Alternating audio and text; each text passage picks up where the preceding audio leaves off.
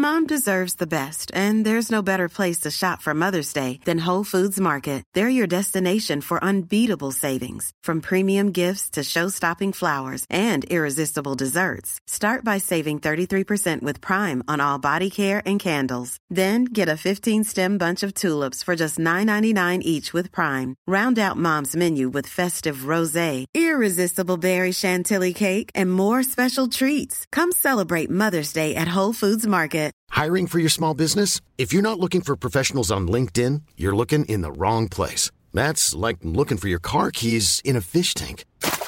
LinkedIn helps you hire professionals you can't find anywhere else, even those who aren't actively searching for a new job but might be open to the perfect role. In a given month, over 70% of LinkedIn users don't even visit other leading job sites. So start looking in the right place. With LinkedIn, you can hire professionals like a professional. Post your free job on linkedin.com slash people today.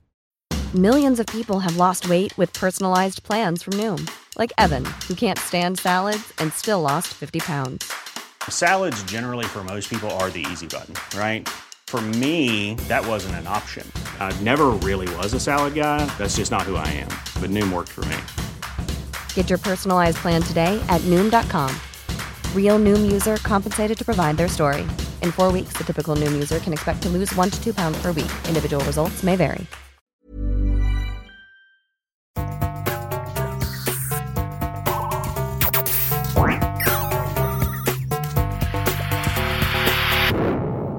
Velkommen til Sinnsyn. Jeg heter Sondre Risom Livre, er psykolog, og dette er Webpsykologens podkast. Hverdagspsykologi for fagfolk og folk flest.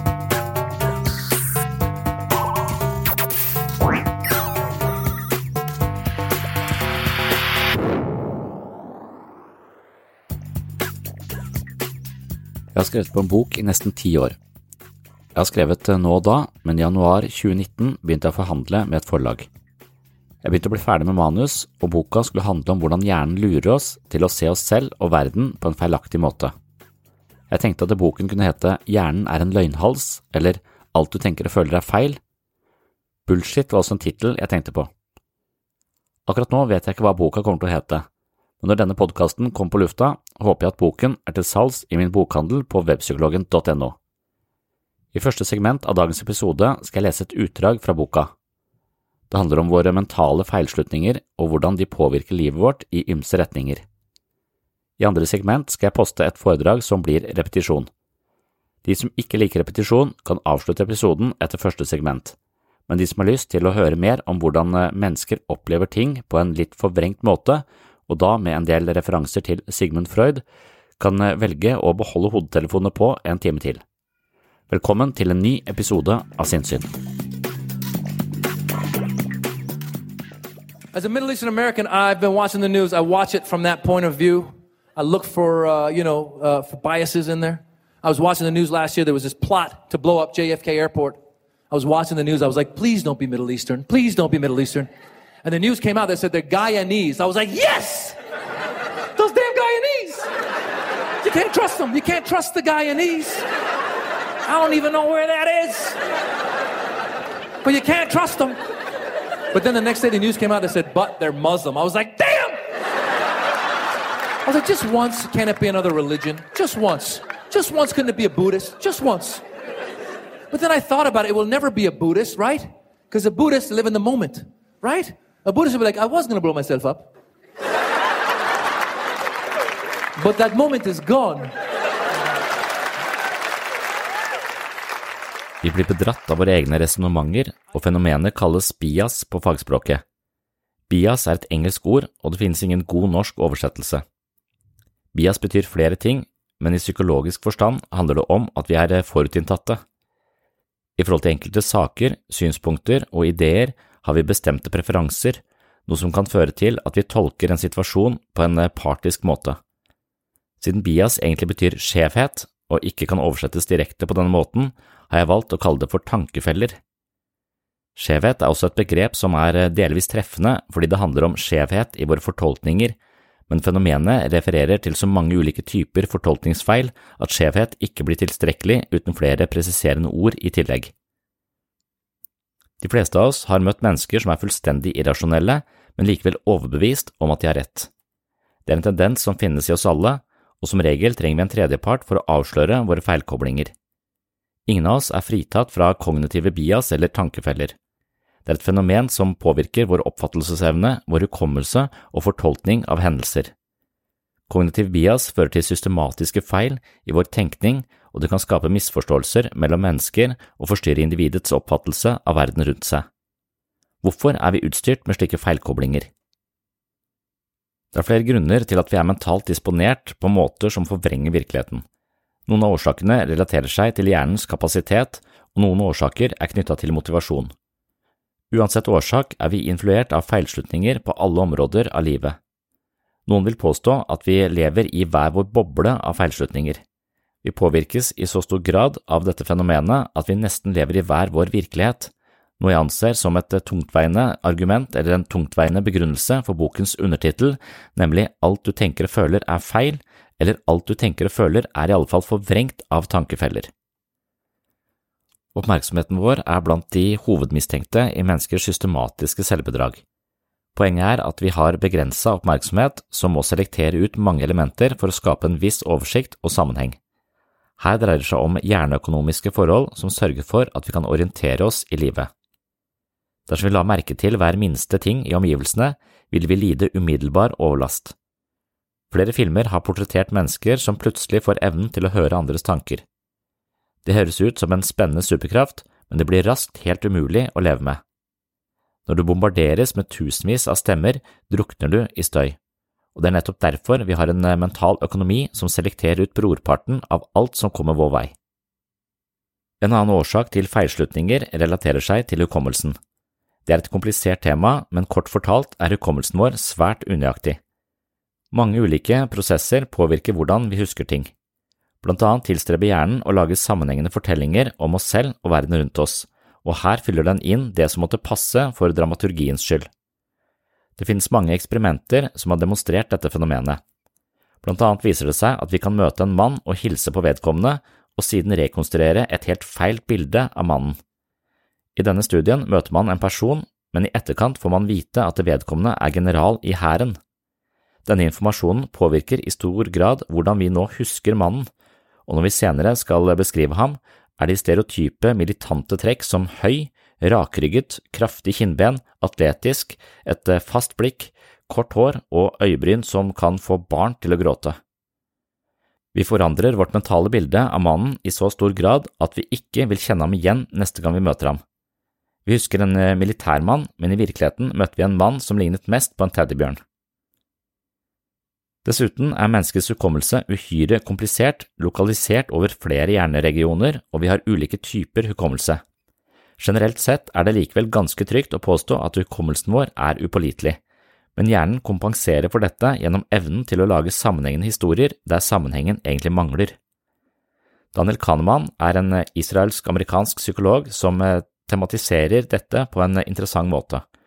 Kahneman hevder at eh, mennesket har to selv det ene selvet opplever øyeblikket, mens det andre selvet forteller historier. Det fortellende selvet lager sammenhenger slik at vi skal eh, føle kontinuitet og mening i tilværelsen. Det er det fortellende selvet som gir meg en følelse av sammenheng mellom den jeg var som barn og den jeg er i dag. Min hukommelse fra barndommen er skrøpelig. Som mennesker husker vi gjerne enkelte øyeblikk, men alt som foregikk mellom det ene og det andre øyeblikket, kan de fleste av oss ikke gjenkalle. Her får vi imidlertid hjelp av eh, det fortellende som konstruerer sammenhenger der hukommelsen vår ikke strekker til. So I have a terrible memory. I used to work in a in a restaurant, and uh, this lady came up to me one day and she asked me what the happy hour specials were, and I said, uh, "We don't have happy hour specials on Saturdays." And she looked at me all crazy and she said, "It's Tuesday." You know, like some people are off by a day, but I was off by as much as you could possibly be off by. You know, that's why I don't think it's fair that my girlfriend gets mad at me because I can't remember her birthday. Like, I try as hard as I can, but it gets lost in the recesses of my brain. But to be fair, I've been celebrating Memorial Day my whole life. I can't even tell you what month that's in. Like, Veterans Day, no clue. Like, we've only been dating for seven years. These holidays have been around since I was born. Let me get these holidays down first, and then I'll work on remembering your birthday, you know? Like, I barely know when Christmas is, and that's just because I wouldn't be a very good Christian if I didn't know the day that Santa died on the cross. Hvem er du? Når vi svarer på dette spørsmålet, lager det fortellende selve en rekonstruksjon av sentrale erfaringer som har ført frem til den personen vi er i dag. Her er det fortellerstemmen som avgjør om vi ser på oss selv på en positiv eller negativ måte. De faktiske forholdene rundt vår egen fortid og dannelsesprosess er ikke tilgjengelig i objektiv forstand, men det fortellende selve lager et kreativt sammendrag. På den måten kan vi si at mennesker til en viss grad forfatter sitt eget liv. Dermed er det avgjørende hvilken type forfatterstemme vi er utstyrt med. Har vi en dyster fortolkning av vår egen fortid, verdi, kompetanse og potensial, så blir det gjerne toneangivende for måten vi lever livet på. Et fortellende selv med mismodige tilbøyeligheter er utgangspunktet for det vi i folkepsykologisk sjargong kaller lav selvfølelse eller dårlig selvbilde. Motsatt vil en mer optimistisk fortellerstil gi grobunn for god selvfølelse og et godt selvbilde. Uttrykt på denne måten kan det virke som om mennesket kan velge fokus i sitt eget fortellende selv, men så enkelt er det ikke. Problemet er at de fleste fortolkninger vi gjør av oss selv, andre mennesker og livet for øvrig, er påvirket av faktorer som ligger utenfor vår bevisste oppmerksomhet. Psykoanalysens far, Sigmund Freud, påpekte at alt vi tenker og føler er filtrert gjennom nevrosene våre. Alt vi opplever er farget av ubevisste psykologiske disposisjoner, noe som også er hovedtema i denne boka som jeg håper har kommet ut i disse dager. Selv om vi ikke har noen eksplisitt hukommelse knytta til våre tidligere erfaringer, er vi likevel påvirket av alt vi har opplevd uten at vi tenker så mye over det. Med andre ord kan vi anta at det fortellende selve har utviklet sin særegne fortolkningsstil som følge av utallige påvirkninger gjennom livet. Vi konstruerer alle sammen vår private virkelighet, mens vi tror at det er den faktiske virkeligheten vi opplever. Denne innsikten kom som et sjokk på menneskeheten, og det var blant annet eh, derfor Sigmund Freuds teorier hadde en særdeles trang fødsel. Folk ville ikke forholde seg til at deres intellekt og rasjonelle tankevirksomhet var langt mindre pålitelig enn man forestilte seg. La oss nå høre fra Sigmund Freud selv. Dette er så vidt jeg vet det eneste lydopptaket som finnes av Sigmund Freud. Han snakker om oppdagelsen av det ubevisste og hvordan denne oppdagelsen møtte mye motstand. Jeg tar med Sigmund Freud her fordi ideen om at alt du tenker og føler er feil, eller alt du tenker og føler er eh, forvrengt av eh, irrasjonelle komponenter og motivasjoner du selv ikke er klar over, er eh, på sett og vis essensen i Freuds oppdagelse av det ubevisste. Vi er i mye større grad styrt av ubevisste krefter enn det vi er klar over, og det betyr også at vi er eh, litt eh, lite oppmerksomme på motivasjonen og de ulike faktorene som ligger bak alt vi tenker, føler og handler på i løpet av en dag. I started my professional activity as a neurologist trying to bring relief to my neurotic under the influence of an older friend and by my own efforts, I discovered some important new facts about the unconscious in psychic life, the role of instinctual urges, and so on.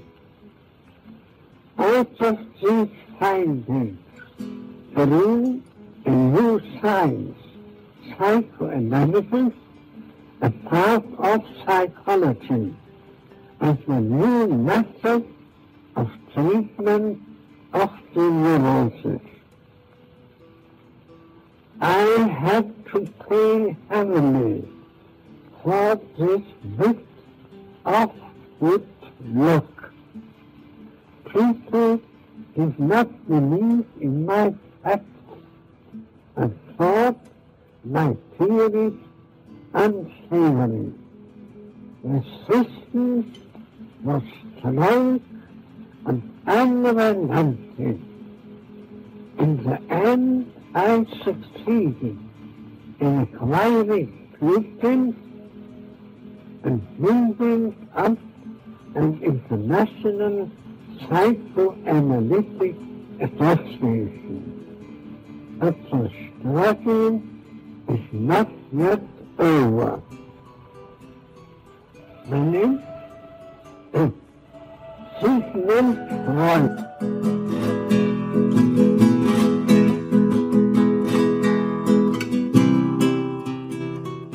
Begrensningene i hukommelsen er også en faktor som nærmest nødvendiggjør en del kognitive feilslutninger.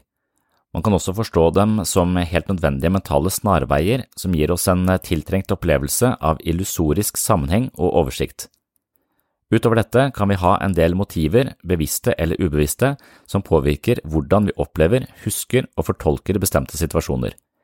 Eksempelvis kan en forfengelig dame minnes bryllupet til en venn og tenke at den dagen var alle øyne på meg og min nye kjole. En person som er litt usikker i sitt profesjonelle liv, kan tolke en helt nøytral kommentar fra en kollega som et sarkastisk angrep. Forelskelse er en annen tilstand som virkelig forkrøpler vår vurderingsevne. Gjennom en forelsket linse kan en kort SMS forårsake ekstase eller presuicidal fortvilelse. I begge tilfeller kan tekstmeldingen være helt nøytral eller ladet motsatt av slik den blir fortolket. I så henseende kan man påstå at forelskelse er den mest potente drivkraften bak en rekke ulike virkelighetsfordreininger. Noen mennesker bruker hele livet på å mistenke utroskap hos sin partner. Enhver uskyldig bevegelse tolkes i et slikt lys, noe som fører til et parforhold tuftet på mistillit.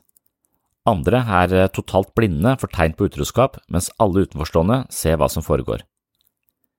Vi henledes til mentale snarveier for at verden skal fremstå meningsfull for oss. Vi henledes også til feilaktige konklusjoner hvis det skåner oss for følelsesmessig ubehag.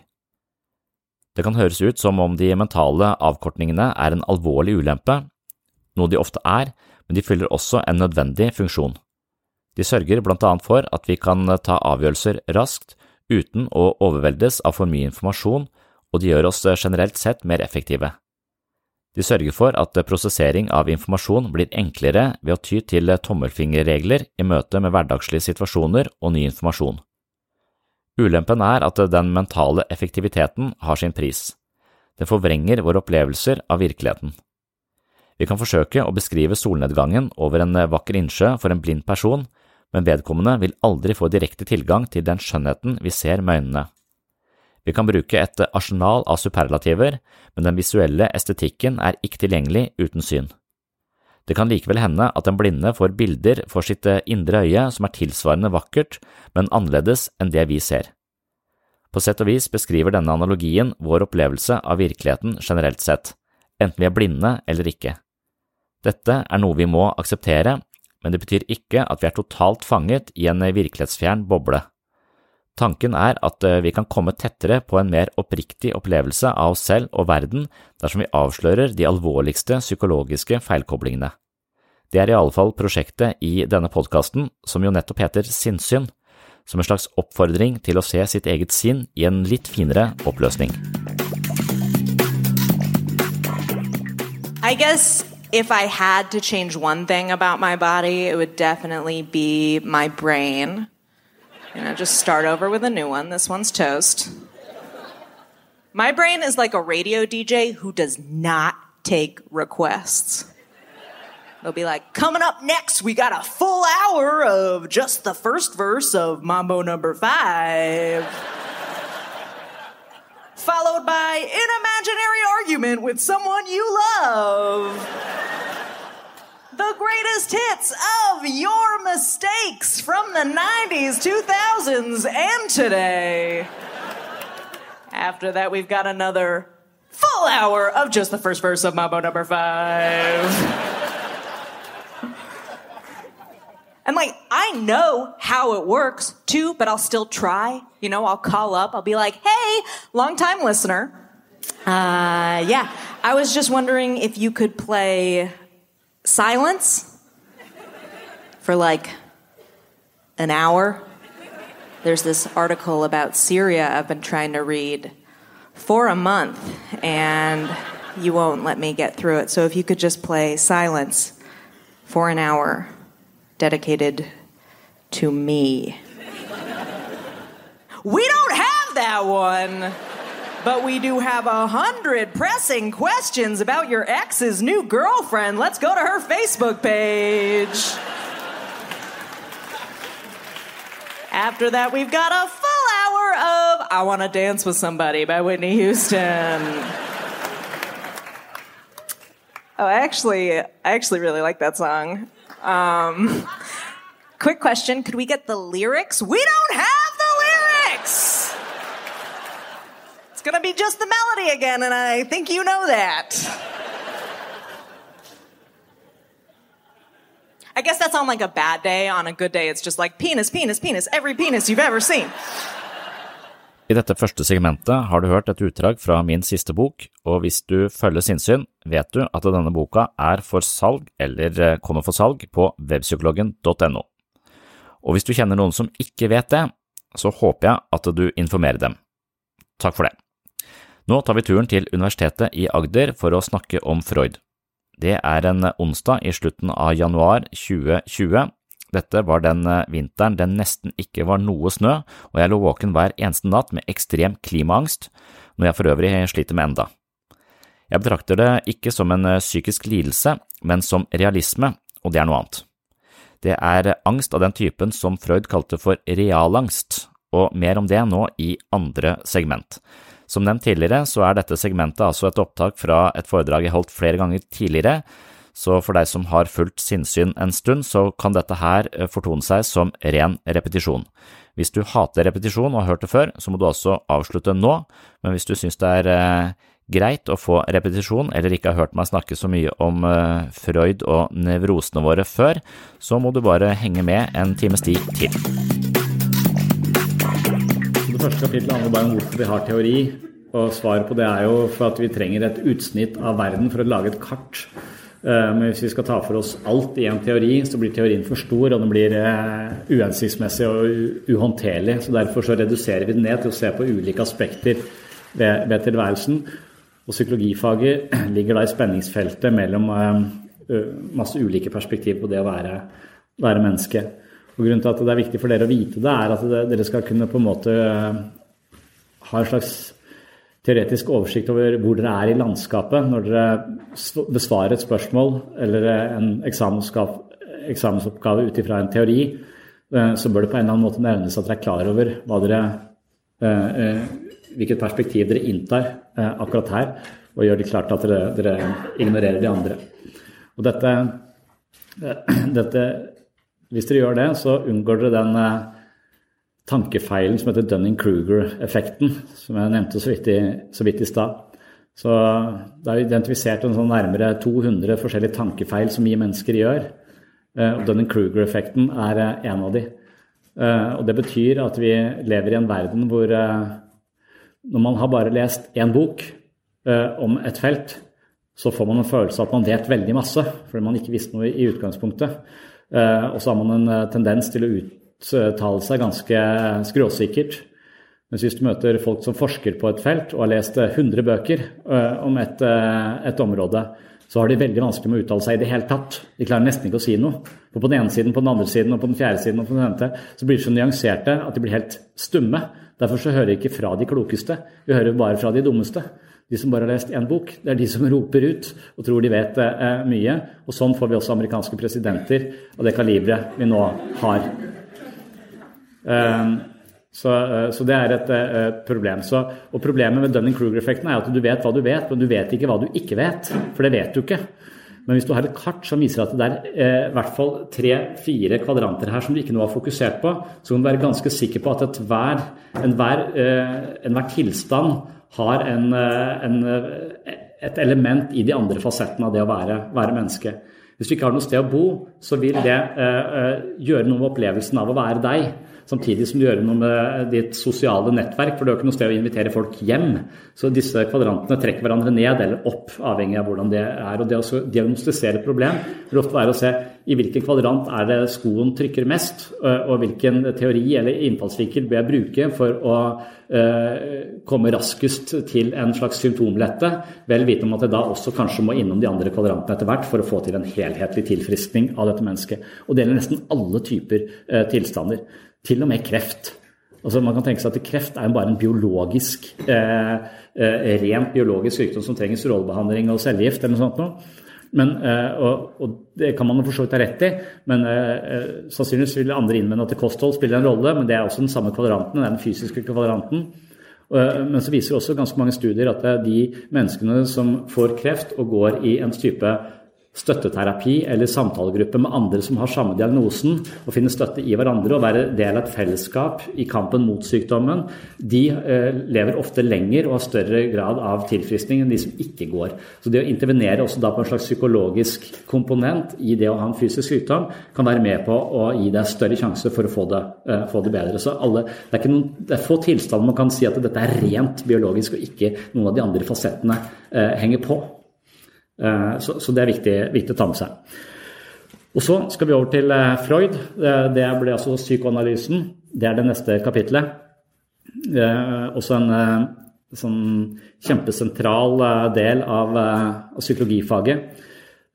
Sigmund Freud er jo psykoanalysens far. Han, det er ingen psykologer som har hatt så Eller leger, han var psykiater. Altså, det er ingen, ingen som har hatt så stor innflytelse på sånn eh, folkelig sjargong som det Freud har. Ekstremt stor innflytelse på kulturen og måten vi forstår oss selv på. Eh, så det er pga. Freud vi kan snakke om ego og superego og, og, masse sånne begreper som på en måte har, eh, har tatt bolig i hverdagsspråket. Sånn at stor, stor innflytelse. Han er også ganske kritisert. Men veldig mye av det han fant ut av, har vi fortsatt å å dra veksel på, i, både i behandling og i forståelsen av oss sjøl. Men Freud hadde en ganske sånn trang fødsel. Eh, det, det vil si at han, han kom seint i gang. Eh, og noe skyldtes han var eh, surra litt og drev med litt mange forskjellige ting.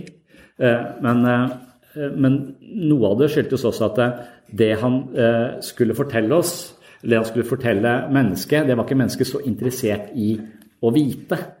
Eh, for det Freud dypest sett sier, er at eh, alt du opplever, er filtrert via nevrosene dine. Så alt du tenker og føler, er egentlig feil.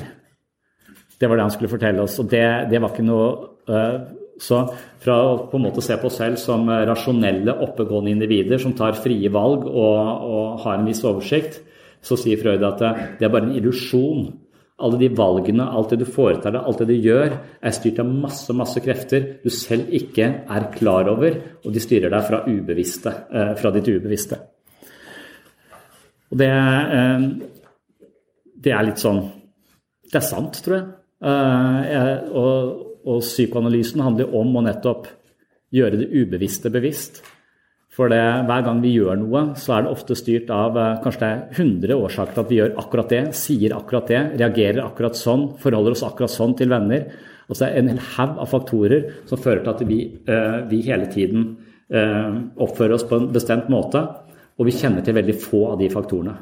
Vi kjenner kanskje til én eller to, og vi har en slags forståelse, en slags rasjonale hvorfor vi sier akkurat det, hvorfor vi gjør akkurat det, kan forsvare det. Men, men dypest sett så er det en haug av ting som ligger da i bakgrunnen og styrer dette her. Jeg vet ikke om dere blir overbevist om det bare at jeg sier det sånn, men, men øh, hele psykologifaget, sånn, i hvert fall sånn det kliniske øh, og, og, kanskje litt sånn det populærpsykologiske også, handler jo om å vise mennesker at veldig mye av det vi tenker og føler, er feil det der med Dunning-Kruger-effekten er en ting som gjør at du ikke helt kan eh, stole på din egen kompetanse, men kanskje tvile litt på den. Eh, og det er veldig mange andre faktorer også som eh, styrer måten vi tenker, føler og handler på, uten at vi veit det. Og vi misforstår verden pga. disse feilkoblingene eller snarveiene som hodet vårt av og til gjør. Det er noe som heter biaser. Det er sånne tankefeil som Dunning-Kruger-effekten noe som heter eh, holo-effekten, eller glorieeffekten. Det betyr at eh, når du møter pene mennesker, så tilskriver du egenskaper de ikke nødvendigvis har. Så vi har en tendens til å se én egenskap ved et menneske, ofte da førsteinntrykket utseende. Hvis det er et godt utseende, så har vi en tendens til å tro at de har eh, stor sjanse for at de kanskje er mer intelligente enn de er, at de er bedre foreldre. at de eh, har, Så vi tilskriver mennesker med én enkeltstående god egenskap masse positive egenskaper som de ikke nødvendigvis har i utgangspunktet. Og det motsatte heter horneffekten. Det betyr at hvis vi ser noen som kanskje er litt mindre symmetriske, eh, så, eh, så vil vi tilskrive de negative egenskaper basert på én opplevelse av, av noe som vi, kan, som vi kan se. Så Dermed så plasserer vi folk veldig raskt inn i kategorier og, og, forstår de på en måte som ikke nødvendigvis har noe med virkeligheten å gjøre, men det hjelper oss, sånne snarveier på en måte hjelper oss til å orientere oss i, i landskapet rundt oss. Og det gjør at vi på en måte misforstår andre mennesker. Og det er en haug av sånne faktorer som gjør at vi misforstår oss selv. Um, horneffekten, eller glorieeffekten, betyr jo veldig ofte at vi gifter oss med feil folk, f.eks. Altså, Vi ser noe, og så på en måte ser vi alt rosenrødt. Vi tillegger masse gode egenskaper, og så er vi gift et halvt år og skjønner faen, der tok jeg litt feil. Eh, så, og, og, og, horneffekten gjør kanskje at vi møter et menneske som er en perfekt match, men vi avviser det pga. Eh, kanskje det som er mest iøynefallende. Og det at eh, mennesker driver og rater folk som bedre foreldre basert på utseende, det er heller ikke noe hold i, i virkeligheten, men vi gjør det. Så uh, alt, vi føler, alt, vi tenker og føler er feil. Uh, alt du opplever er filtrert via nevrosene dine. Du har hele tiden dette psykiske operativsystemet som er med på å bestemme hvordan du opplever hele tiden nye situasjoner. Og Det er derfor Freud sier at fortiden alltid lever i nåtiden. Fortiden vår lever alltid i nåtiden. Du har ingen objektiv forståelse av nåtiden. Den vil alltid være fargelagt av alle de tidligere erfaringene du har med deg. og De kommer til å være med å forme dine nye verdensbilder og din opplevelse av, eh, av, eh, av andre mennesker og deg sjøl. Og for at vi skal være mindre sånn fanget av disse automatiske vurderingene, særlig hvis de gir oss angst og depresjon eller fører oss ned i blindveier eller gjør at vi hele tiden møter feil mennesker, så må vi, som Freud da sier, samtaleterapien hans handler om å gjøre det ubevisst og bevisst. Det handler om å låde dybden i seg selv og forstå flere av disse, eh, disse faktorene som styrer oss.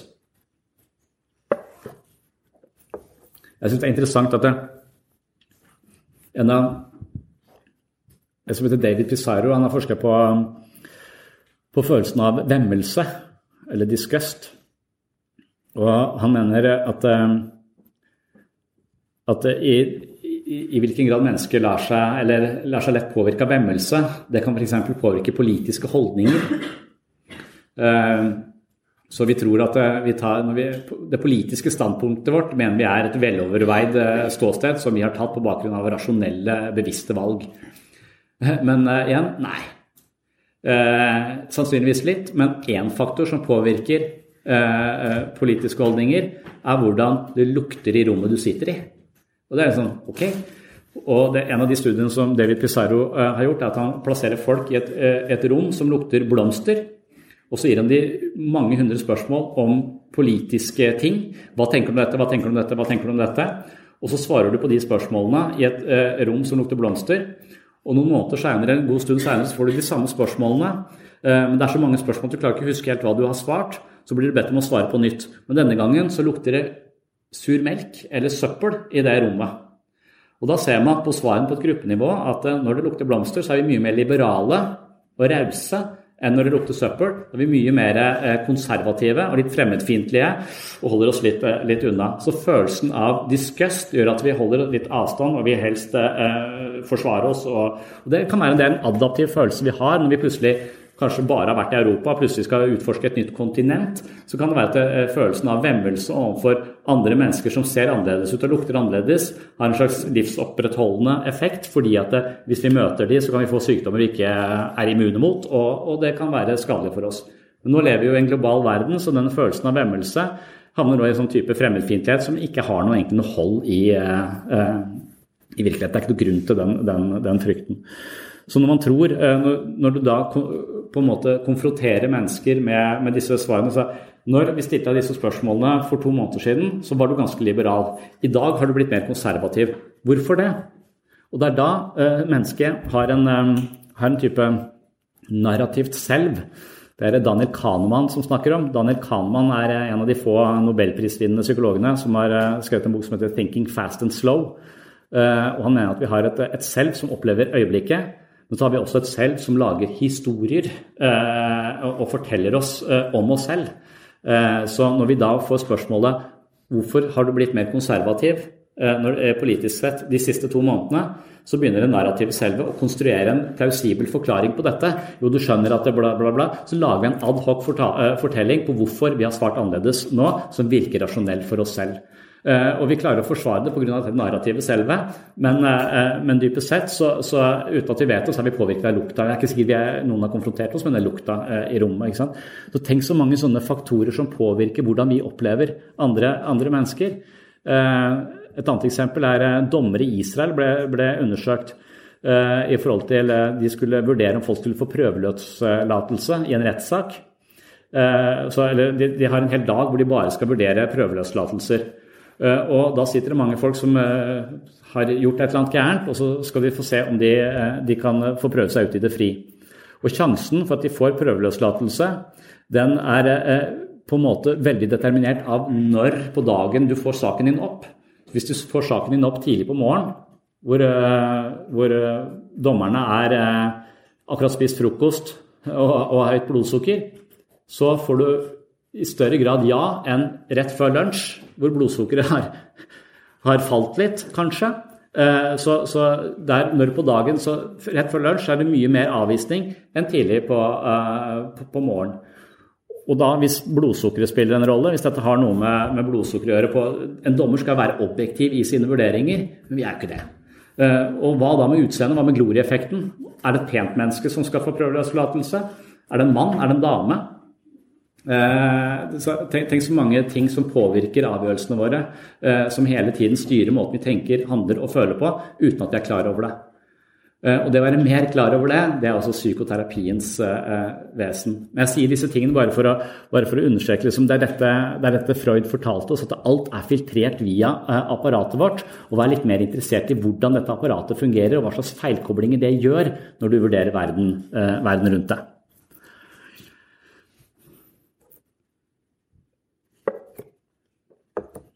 Okay. En annen helt sykt hårreisende eksempel som jeg har prøvd å bruke selv. Eh, for Jo mer du vet om sånne ting, jo større sjanse er det for at du avslører deg selv. Og det jeg syns er, er, litt sykt, er at det, um, det fins en taglorm uh, som fungerer som en parasitt, som spiser seg inn i magen på en gresshoppe. Og Så den, kjører den seg opp i fordøyelseskanalen, så tar den imot den maten som gresshoppa spiser. Og etter 14 dager så blir denne taglormen kjønnsmoden og så eh, vil den da eh, videreføre seg, eller eh, formere seg. Men for at den skal kunne formere seg, så må den ut i vannet. Men gresshopper de kan ikke svømme, så de liker ikke å bade. Så gresshopper holder seg alltid langt unna vannet. Men det den taglormen da gjør, er at den går opp i huet på, på gresshoppa, skiller ut noen proteiner som hjernevasker gresshoppa til å få lyst til å bade. Og så spaserer Timmy ned til vannet for å hoppe i sjøen. Og da er spørsmålet hvordan er det å møte Timmy på vei ned til sjøen? Altså, hva, hva sier Timmy? Altså, hva, hva, skal du for noe? Jeg skal ned og bade. Har det klikka helt for deg? Altså, vi, vi, kan ikke svømme, det vet du jo. Det er ingen av oss gresshopper som bader. Ja, men jeg har så sykt lyst, det er lenge siden vi har prøvd. Det kan jo være jeg kan det. Altså, jeg har så sykt lyst til å bade.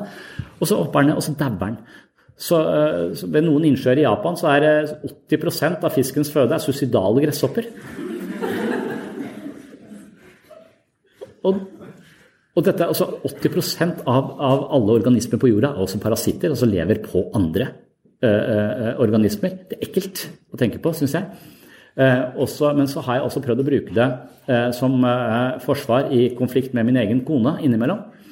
og det gjelder fordi det finnes en annen parasitt som heter toxoplasmose gondi. det er den som gravide ikke skal ha, og som kommer fra katten. Eh, og denne eh, toksoplasmosen den elsker å være inni tarmsystemet til katten. Der trives den godt, der kan formeres osv. Men når katten bæsjer, så faller den ut.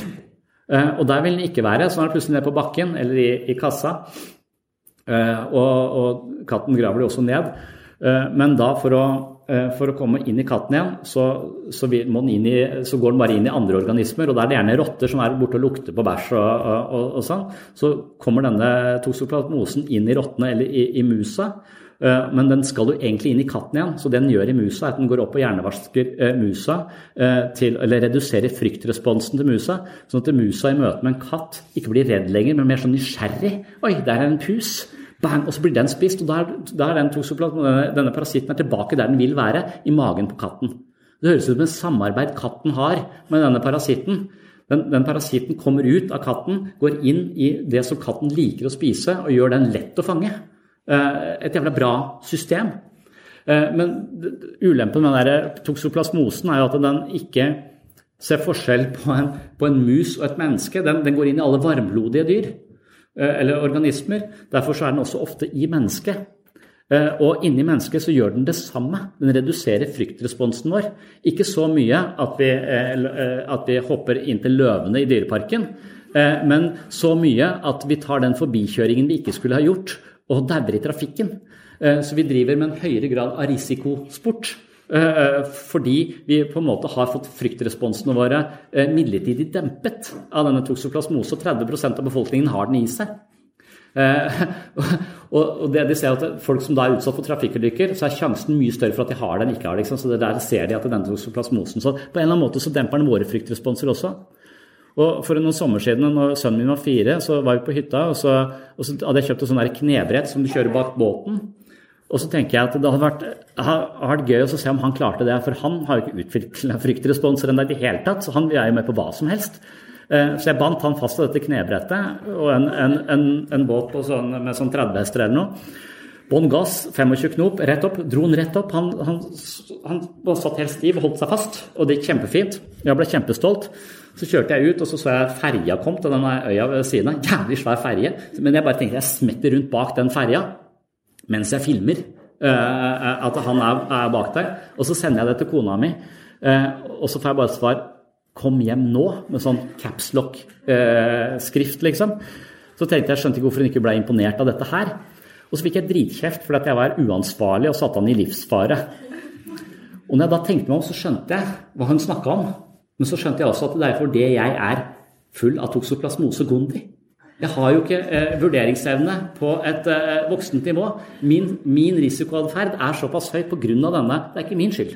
Det er pga. Alle, eh, alle disse eh, parasittene som eh, opererer inni huet mitt. Eh, men den godtok hun ikke. Men det er litt det samme som, eh, som Freud sier. Vi er hele tiden påvirket av faktorer som ligger utenfor vår oppfattelsesevne. Og spesielt så er han opptatt av da ulike utviklingsfaser i livet eh, vårt som påvirker oss og former personligheten vår og styrer hvordan vi er i nåtiden. Så fortiden lever i nåtiden. Og også, den boka er full av sånne um, firkanter hvor det står sånne viktige ord. Eh, og et av de viktige ordene er psykisk determinisme. står det. Freud mener at vi er psykisk determinerte og av og til overdeterminerte. Og determinisme betyr altså at det er en årsak til at vi gjør alt. Så alt vi foretar oss, har en årsak.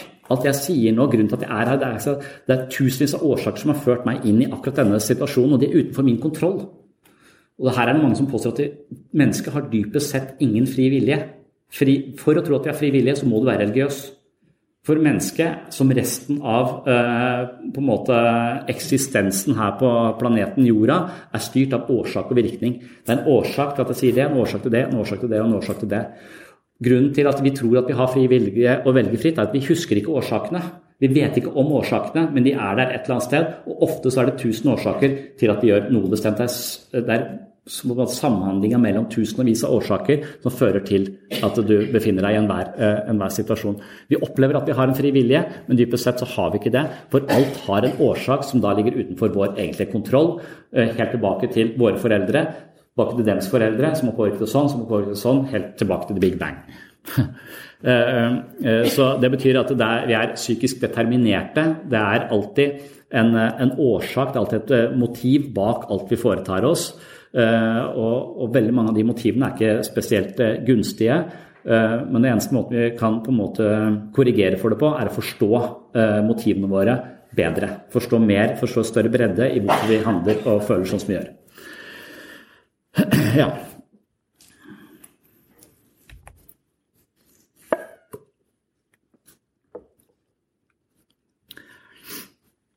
Så snakker han om noe som heter psykoseksuell utvikling. Eh, og Freud er da kjent for denne libido-teorien sin. Eh, og han er kjent for, eh, for at han nettopp delte mennesket inn i dette det bevisste, det førbevisste og det ubevisste.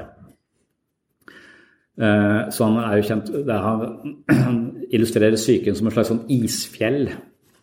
Uh, og, og, i senere tid, så, så, selv om mye av det Freud sa er på en måte avleggs i dag, spesielt dette med libido- og driftsteorien hans, hvor han tenkte at alt handler om seksualitet, uh, så, så, er det likevel veldig mye av det han eh, hans teorier eh, utforsket, viser seg å stemme eh, med mer empiriske studier. Bl.a. dette med det, med det ubevisste. Ja?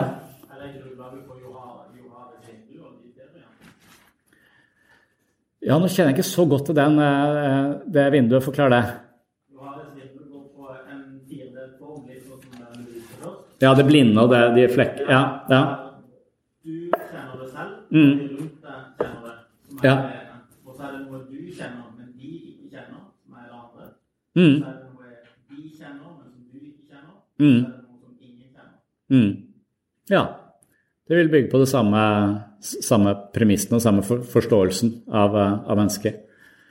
Litt, eh, litt det som gruppeterapi. Sånn, jeg sitter i gruppeterapi hver dag. det, Gruppeterapi handler om å skape en, en situasjon hvor vi speiler hverandre på en mer oppriktig måte enn man gjør i det sosiale. Eh, fordi at vi er bundet av sosiale koder og høflighetsfraser og sånn. Så forskjellen på meg som privatperson og meg som terapeut er jo at jeg lyver mer som privatperson. Jeg sier ting bare for at det er høflig, eller bare for det bør sies, eller noe sånt noe. Mens i gruppeterapi så, så lager vi en setting hvor vi tar vekk alle disse sosiale livbøyene og, og sånn, og så prøver vi å være mer oppriktige på akkurat hvordan faller du ned i mitt hode, akkurat hvordan opplever eh, jeg deg, uten å være bundet av disse eh, sosiale konvensjonene. Eh, og, og på den måten så tenker man at det kanskje er noe jeg ser ved deg som ikke du selv ser. Eh, men det kan også være eh, men vel vitende om at min opplevelse av deg er også farget av alle mine erfaringer. Så jeg har ingen objektiv opplevelse av deg, men jeg har en opplevelse av deg, og kanskje den ligner de andre i gruppa sin opplevelse av deg, og det er en side ved deg selv du ikke helt har, er, eh, er klar over. Så, det, så vi, vi, driver en form for freudiansk psykoterapi i dagens DPS. At vi igjen prøver å gjøre det ubevisst og bevisst, og gruppeterapi veldig mye på det mellommenneskelige. Uh, og et eksempel er, jeg, jeg har gått i gruppeterapi selv, og da satt jeg ved siden av en fyr som hver gang han snakka, så kjeda jeg meg. Og det, hvis jeg hadde vært i det sosiale, så hadde jeg bare tatt meg sammen og følt litt ekstra godt med for å korrigere for min egen kjedsomhet eller min vandrende oppmerksomhet. Mens når det er i gruppeterapi, så tenker jeg også terapi ut ifra Freud at djevelen er i detaljene. Så små finurligheter i din opplevelse av et annet menneske kan avsløre en større dybde eh, som de sosiale kodene bare glatter over, som gjør at vi ikke ser. Um, så da sier jeg, eh, må jeg i gruppeterapi tenke og si at jeg, du, jeg må stoppe det litt. Altså, eh, når du snakker, så, så mister du eh, min oppmerksomhet, og det syns jeg ikke er spesielt gunstig, eller det syns jeg, jeg, er litt vondt for deg. Jeg syns du fortjener mer av min oppmerksomhet enn det jeg klarer å gi deg. Og så prøver jeg å høre etter hva han sier for noe, og så gir han meg informasjon som er like interessant som det han eller hun sier. Så Det er ikke noe galt med informasjon til dette mennesket. Altså, jeg, men, men, forskjellen er at det, når han snakker, så begynner jeg å tenke på hva jeg skal til middag. Når de to snakker, så klarer jeg å leve meg inn i det og forstå det og være til stede. Så her er det en diskrepans, På, og det er ikke fordi han har kjedelig informasjon. Og da, Det er der liksom denne eh, leitinga i, i, det bakenforliggende, at det fortiden alltid lever i nåtiden. Og når han da begynner å, å tenke på, på, sin egen hvordan, For han opplever også det livet der ute, at han ofte mister folks oppmerksomhet. At han lett blir oversett eller glemt eller ikke hørt på. Han sitter ofte i møter, og så sier han noe. Og så ti minutter seinere sier en annen person det samme, og da hører alle på og syns det er en god idé. Mens når han sa det, så hørte de det ikke. Og det, det, er et eller annet det er sånn, og, og, når han da tenker på sin egen fortid, og tenker på at fortiden lever i nåtiden, så, så, så forteller han om en, en, barndom i et ekstremt sånn pertentlig, strengt religiøst regime, hvor du bare skulle være ordentlig og pliktoppfyllende og klok og fornuftig, hvor alle emosjonelle utbrudd ble sett på med som noe nedverdigende. Så var det liksom ikke lov til å verken le eller gråte eller bli sint. Så var som han skrudde alle følelsene sine på et veldig tidlig tidspunkt. mente han. Så han opererer bare i hodet. Og jeg kan godt forstå han i hodet, men jeg kjenner han ikke i hjertet. Han farger ikke det han sier med sine følelser. For han er redd for følelsene. Han har stengt av for følelsene sine på et tidlig tidspunkt. Derfor opererer han bare i fornuften. Og med mennesker som bare opererer i fornuften, så er det som å høre på en datamaskin. Du, du får ikke noen mener at 80 av, uh, av kommunikasjon handler om innlevelse, opplevelse, kroppsspråk. Det er så mange faktorer her som gjør at jeg kan koble meg på han, forstå at ja, sånn kan jeg føle litt også. Eller nei, sånn føler jeg det ikke. Det er interessant, vi føler helt forskjellig. Det er i de emosjonelle båndene der som ligger i underteksten, at jeg connecter med et annet menneske. Hvis han ikke gir meg noe der sånn, ikke opplever noe av, rundt det han sier, så vet ikke jeg hva jeg skal oppleve for det han sier, og da begynner jeg å tenke på hva jeg skal til middag. Og, og da, når, med en gang vi ser det, så kan vi se eh, hvordan hans eh, oppvekst eh, og erfaringer er med på å danne han som menneske i dag, og hvordan det gjør at han får dårlig selvfølelse fordi han føler seg oversett. Og da må han ganske konkret gå inn og kjenne etter hva er det egentlig jeg føler. Han må bevisst begynne å kjenne etter på sine egne, egne følelser igjen. Og det er eksempel på at vi sitter i et vindu hvor vi ser ting med han, vi opplever ting med han som vi aldri sier i det daglige. Det er det som er fordelen. Hvis vi hele tiden går rundt og sier alt vi opplever av andre mennesker, så blir det totalt kaotisk og umulig å være sammen med andre mennesker. Vi er nødt til å ha disse reglene for hvordan vi, hvordan vi omgås. Men i gruppeterapi og i psykoterapi så prøver vi å ta det litt vekk for å være mer oppriktige eh, i tilbakemeldingene. Mm.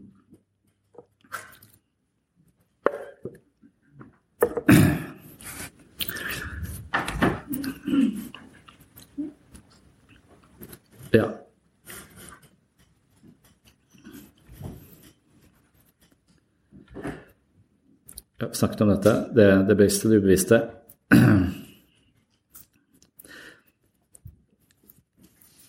Dveler litt mer med det. Altså, han deler opp psyken i tre, tre deler. Dette isfjellmetaforen, eh, hvor, eh, hvor eh, hvis du ser på et isfjell, så ligger veldig mye av isfjellet under havoverflaten. ikke sant? Så det er bare en bitte liten prosentdel av, av, isen du ser. Alt annet ligger, ligger under. Eh, og Metastudier viser at eh, omtrent 5 av det vi tenker, føler og foretar oss, er, eh, på en måte, er noe som går via bevisstheten vår, og som vi kan redegjøre for å forstå.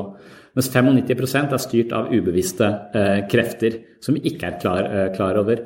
Så, så der, der, viser det seg at Freud hadde ganske rett da, på, det, på, det, området. At, at vi i mye større grad enn vi tror er styrt av faktorer som ligger utenfor vår egen kontroll. Og Det førbevisste det er da psykisk innhold som vi har tilgjengelig, og som vi kan hentes frem, mens det ubevisste er da utilgjengelige eh, følelser, minner, behov og impulser som, som likevel er med på å, å styre oss. Um, ja.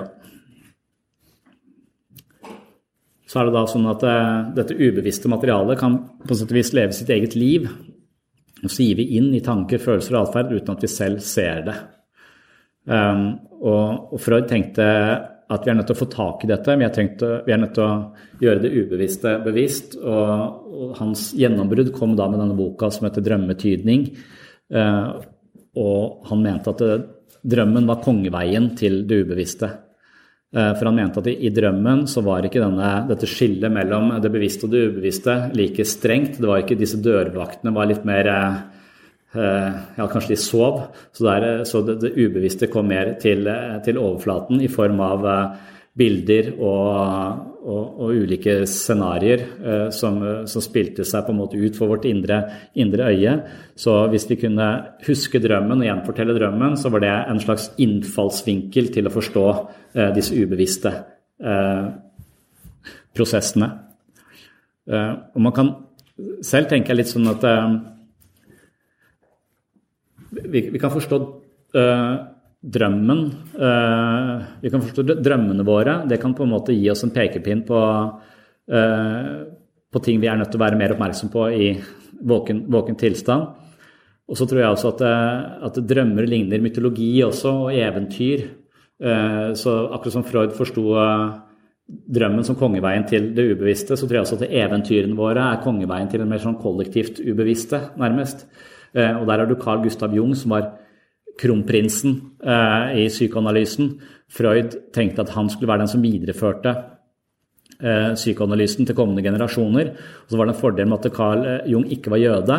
og det så, eh, Sånn at det ikke bare var disse eh, jødiske eliten som holdt på med dette, som, eh, så, så, han tenkte at Jung var en god representant for, for psykoanalysen. Men, men Freud var litt sånn som Jesus. Han hadde 12-13 disipler.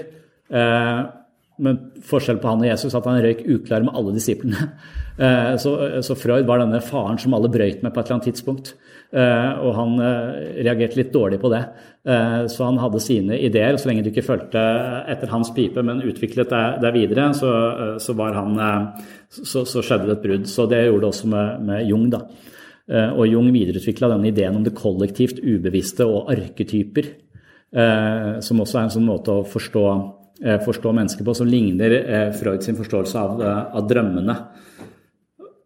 Jeg vet ikke, altså, Som for eksempel jeg synes det er litt, Før jeg begynte å tenke på den måten, så synes jeg det er litt rart at jeg lå på senga og leste Hans og Grete for barna mine. Altså, Verdens verste eventyr, tenkte jeg. Sånn, for her har du en, en far som har mista kona si. Hun er død, tydeligvis. Og så har han fått en stemor uh, som er så opptatt av å spise nok mat sjøl, så hun vil at han skal sette barna sine ut i skogen. Uh, uh, og det sitter disse barna og hører på. Og så, så eventyr går ut på dere husker Hans og Grete, så skal barna settes ut i skogen, og så tar han noe stein, og så kommer han seg tilbake osv. Så, så, så hva er dette for noe? Hvordan har klart å koke sammen det faenskapet her sånn? Um, og, og, jeg tror det fungerer litt på samme måte som en drøm. Jeg, jeg, tror det er elementer i det der som er gjenkjennelig for alle mennesker, og kanskje mer for foreldre enn barna. Altså, et, et som du kommer, hva, hva er det egentlig et uttrykk for? Det er kanskje et uttrykk for krefter som bor i meg. Jeg er en pappa som har lyst til å sette barna mine ut i skogen fra tid til annen. Eh, for at de tar nesten knekken på meg. Eh, samtidig så, så vil jeg, akkurat som faren i det eventyret, være totalt fortvila hvis jeg hadde eh, mista barna mine. Det er det viktigste uh, jeg har. Så jeg har en ambivalens i det. Jeg har lyst til å ivareta det, jeg har lyst til å beskytte det uh, fra alt mulig verdens faenskap. Eh, jeg tenker at Nå er dattera mi ti år. Når hun blir sånn 15-16, så skal jeg bure henne inne i kjelleren, sånn at hun ikke kan komme ut før hun er 25. Jeg er livredd eh, for henne. Jeg har ikke tenkt å gjøre det, men, jeg, har, en slags impuls Jeg har en slags impuls mot å ta vare på, vare på henne, samtidig som de overvelder meg. Så jeg har lyst til å bare sette de ut i skogen. Så jeg tror dette er disse Dette handler om autonomi. Altså gi barna frihet til å utvikle seg selv, og ikke, ikke pakke de inn og, uh, la de leve i et pepperkakehus hvor alt er uh, søtt og godt. Og, så, så, denne heksa ute i skogen, hvor de kommer og inn i dette pepperkakehuset og blir mata med masse sukker Det er altså den overinvolverte forelderen. Og for å, for å, hvis du blir passa for godt på, så klarer du ikke å utvikle din egen identitet og din egen autonomi. Eh, og, og, du får et problem, så du er nødt til å putte, dytte foreldrene dine inn i ovnen for å bli fri. Altså Du må brenne de opp for å, for å bli fri. Eh, motsatt så, så, kan du ha foreldre som, eh, som gir deg så eh, mye autonomi og lar deg kjøre så mye ditt eget løp at du føler deg totalt ensom midt i skogen. Eh, så, så, vi må ha en balanse mellom disse to. Så dette er bare to foreldrefigurer som får et slags eh, fortellerisk, mytologisk uttrykk. I, eh, og sånn tror jeg vi kan tenke om veldig mange historier. Eh, at, eh, at, de har en slags sånn eh, urmenneskelig fortelling. At det er drømmer som er drøm, drømt av masse mennesker og blitt til, til, historier. Og via disse historiene så tror jeg også vi kan få en dyp innsikt i, i mennesket. Så, så, Carl Gustav Jung går mer den veien og snakker om det kollektivt ubevisste, om arketyper, typiske ting vi drømmer om, typiske scenarioer som utspiller seg, som forteller noe om det å være, det å være menneske. Og, og, og Carl Gustav Jung han, han har f.eks. en idé om at um, historien om, uh, om Jesus, da, uh, død og gjennomstandelse, påsken uh, handler egentlig, er, Jesus er et bilde på, mennesket, på mennesket selv, ville, ville Jung si. Jung er ikke så opptatt av om Jesus eksisterte, om Jesus er Guds sønn i rent sånn bokstavelig forstand. Han mener at Jesus er et bilde på at du kan gjøre alt godt i livet ditt, du kan gjøre så godt du kan, men likevel så kan du bli svikta av vennene dine. Eh, du kan også havne i et forferdelig uføre, du kan kanskje bli syk, du kan gå totalt til grunne, du kan dø. Alt kan være helt svart. Men hvis du klarer å uh, reise deg opp igjen fra det mørket, som kan være depresjonen, uh, du kan begynne å nøste i det og, og, og, forstå deg selv og etablere nye retninger, nye verdier i, i livet ditt, så vil du gjenoppstå. og da vil du aldri være den samme som før krisen. Så menneskets liv er alltid forbundet med at vi havner i kriser, og vi går til grunne. Men hvis vi klarer å gjenoppstå, så blir vi, gjenoppstår vi som et nytt menneske. Og Det er på en måte det samme som psykoterapi går ut på. Altså Psykoterapi det betyr at du har noen måter å tenke, føle og handle på som ikke er hensiktsmessig for deg. Og hvis du da skal, eh, skal uh, få det bedre i livet ditt, så må du forlate noen av de vante mønstrene. Den måten du er, det du er, ditt mønster, det må på en måte dø til, til, til fordel for et helt nytt mønster. Og når du da står der med et helt nytt mønster du aldri egentlig har prøvd ut, så føler du deg på bar bakke. Det er vanskelig, det er ekstremt eh, eh, tungt å klare å, å, endre seg selv. Men idet du gjør det, så er det denne prosessen. Du dør, noe dør i deg for at noe annet skal kunne eh, gjenoppstå. Så, så, det vil være liksom en, eh, en, mer sånn metaforisk, eh, psykoanalytisk tolkning av f.eks. bibelhistorien. Eh, og så kan man gjøre med de fleste sånne kanoniske fortellinger vi har.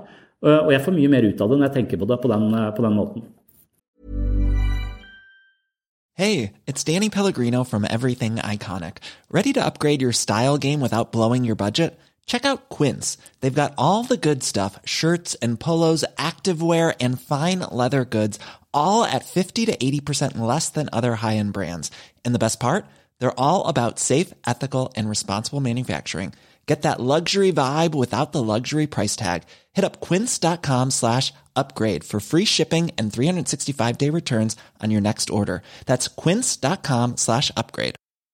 Hiring for your small business? If you're not looking for professionals on LinkedIn, you're looking in the wrong place. That's like looking for your car keys in a fish tank. LinkedIn helps you hire professionals you can't find anywhere else, even those who aren't actively searching for a new job but might be open to the perfect role. In a given month, over 70% of LinkedIn users don't even visit other leading job sites. So start looking in the right place. With LinkedIn, you can hire professionals like a professional. Post your free job on linkedin.com slash people today. There's never been a faster or easier way to start your weight loss journey than with PlushCare. PlushCare accepts most insurance plans and gives you online access to board-certified physicians who can prescribe FDA-approved weight loss medications like Wigovi and Zepbound for those who qualify. Take charge of your health and speak with a board certified physician about a weight loss plan that's right for you. Get started today at plushcare.com slash weight loss. That's plushcare.com slash weight loss. Plushcare.com slash weight loss.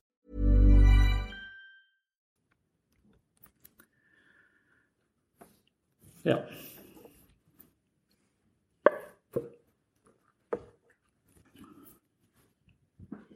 Mm.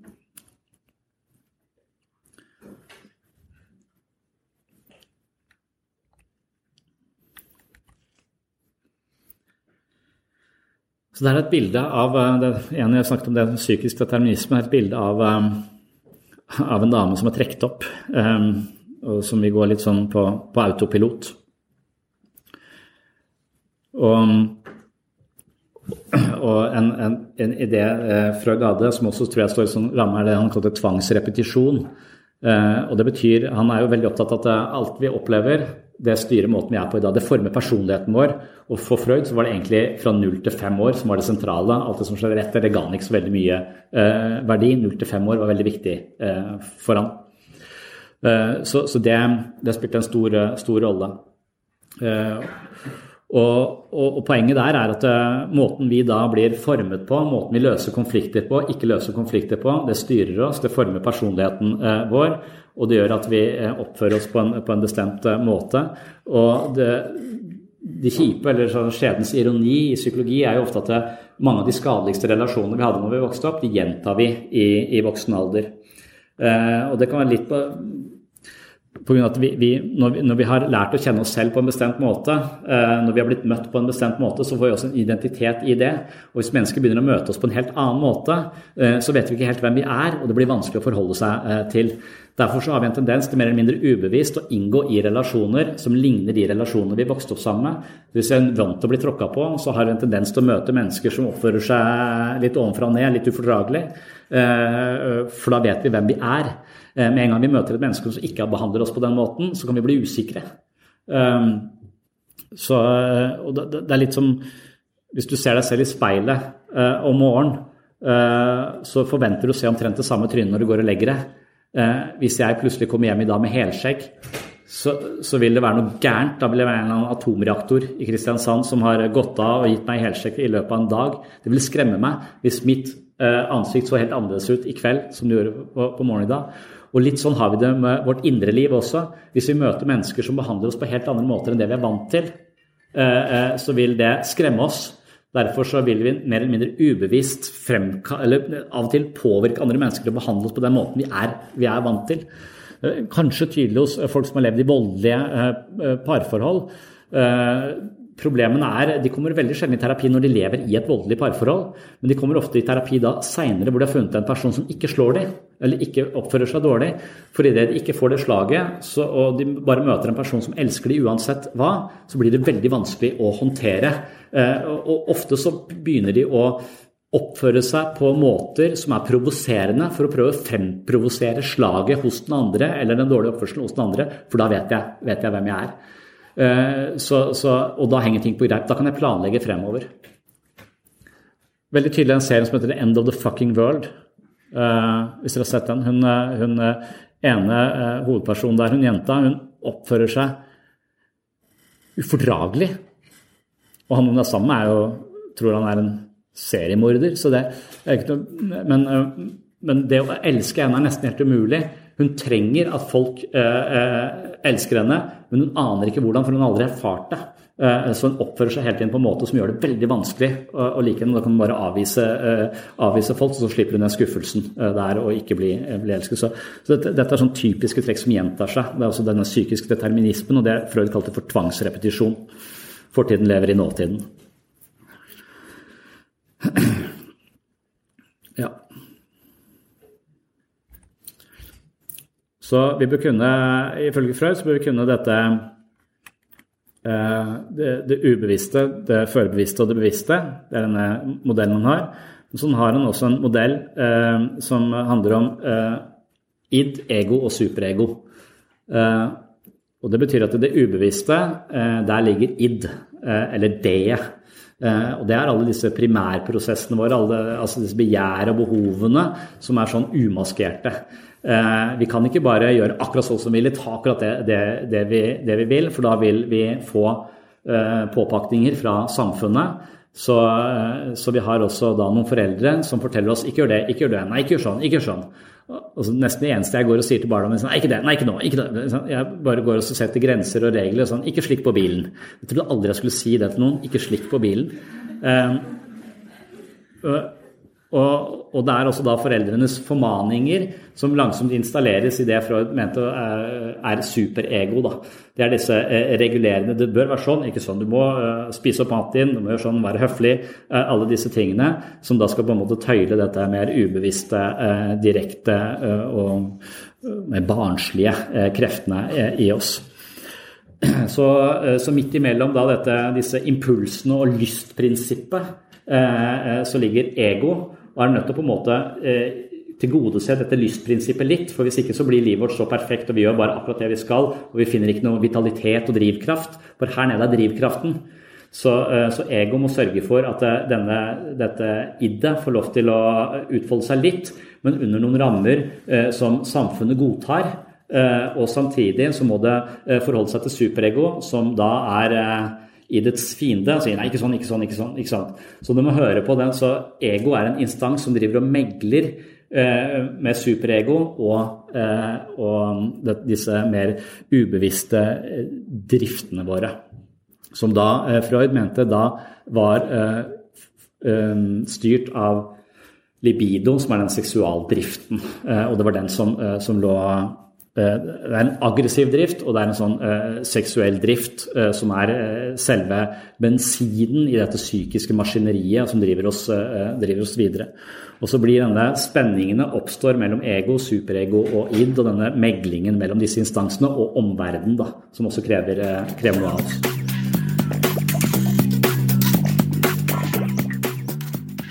Jeg skal, jeg, jeg skal, snakke om en parasitt som jeg har lært om de siste dagene, eh, som heter Auha plorkis eh, californiensis. Det som er kult med den parasitten vi skal snakke om, eller det som er snodig, det er at naturen har gitt den en utfordring. og det er at Den eh, kan bare ha sex i en fuglemage. Jeg trodde jeg var sær, men han må inn i en fuglemage. Sikkert skjer det ingenting.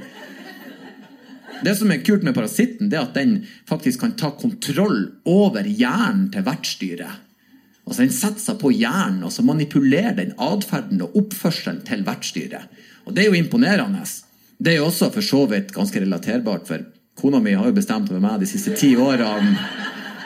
Faktisk så er vertsdyret det er kjælenavnet mitt. Det er vertsdyret henter melk. Altså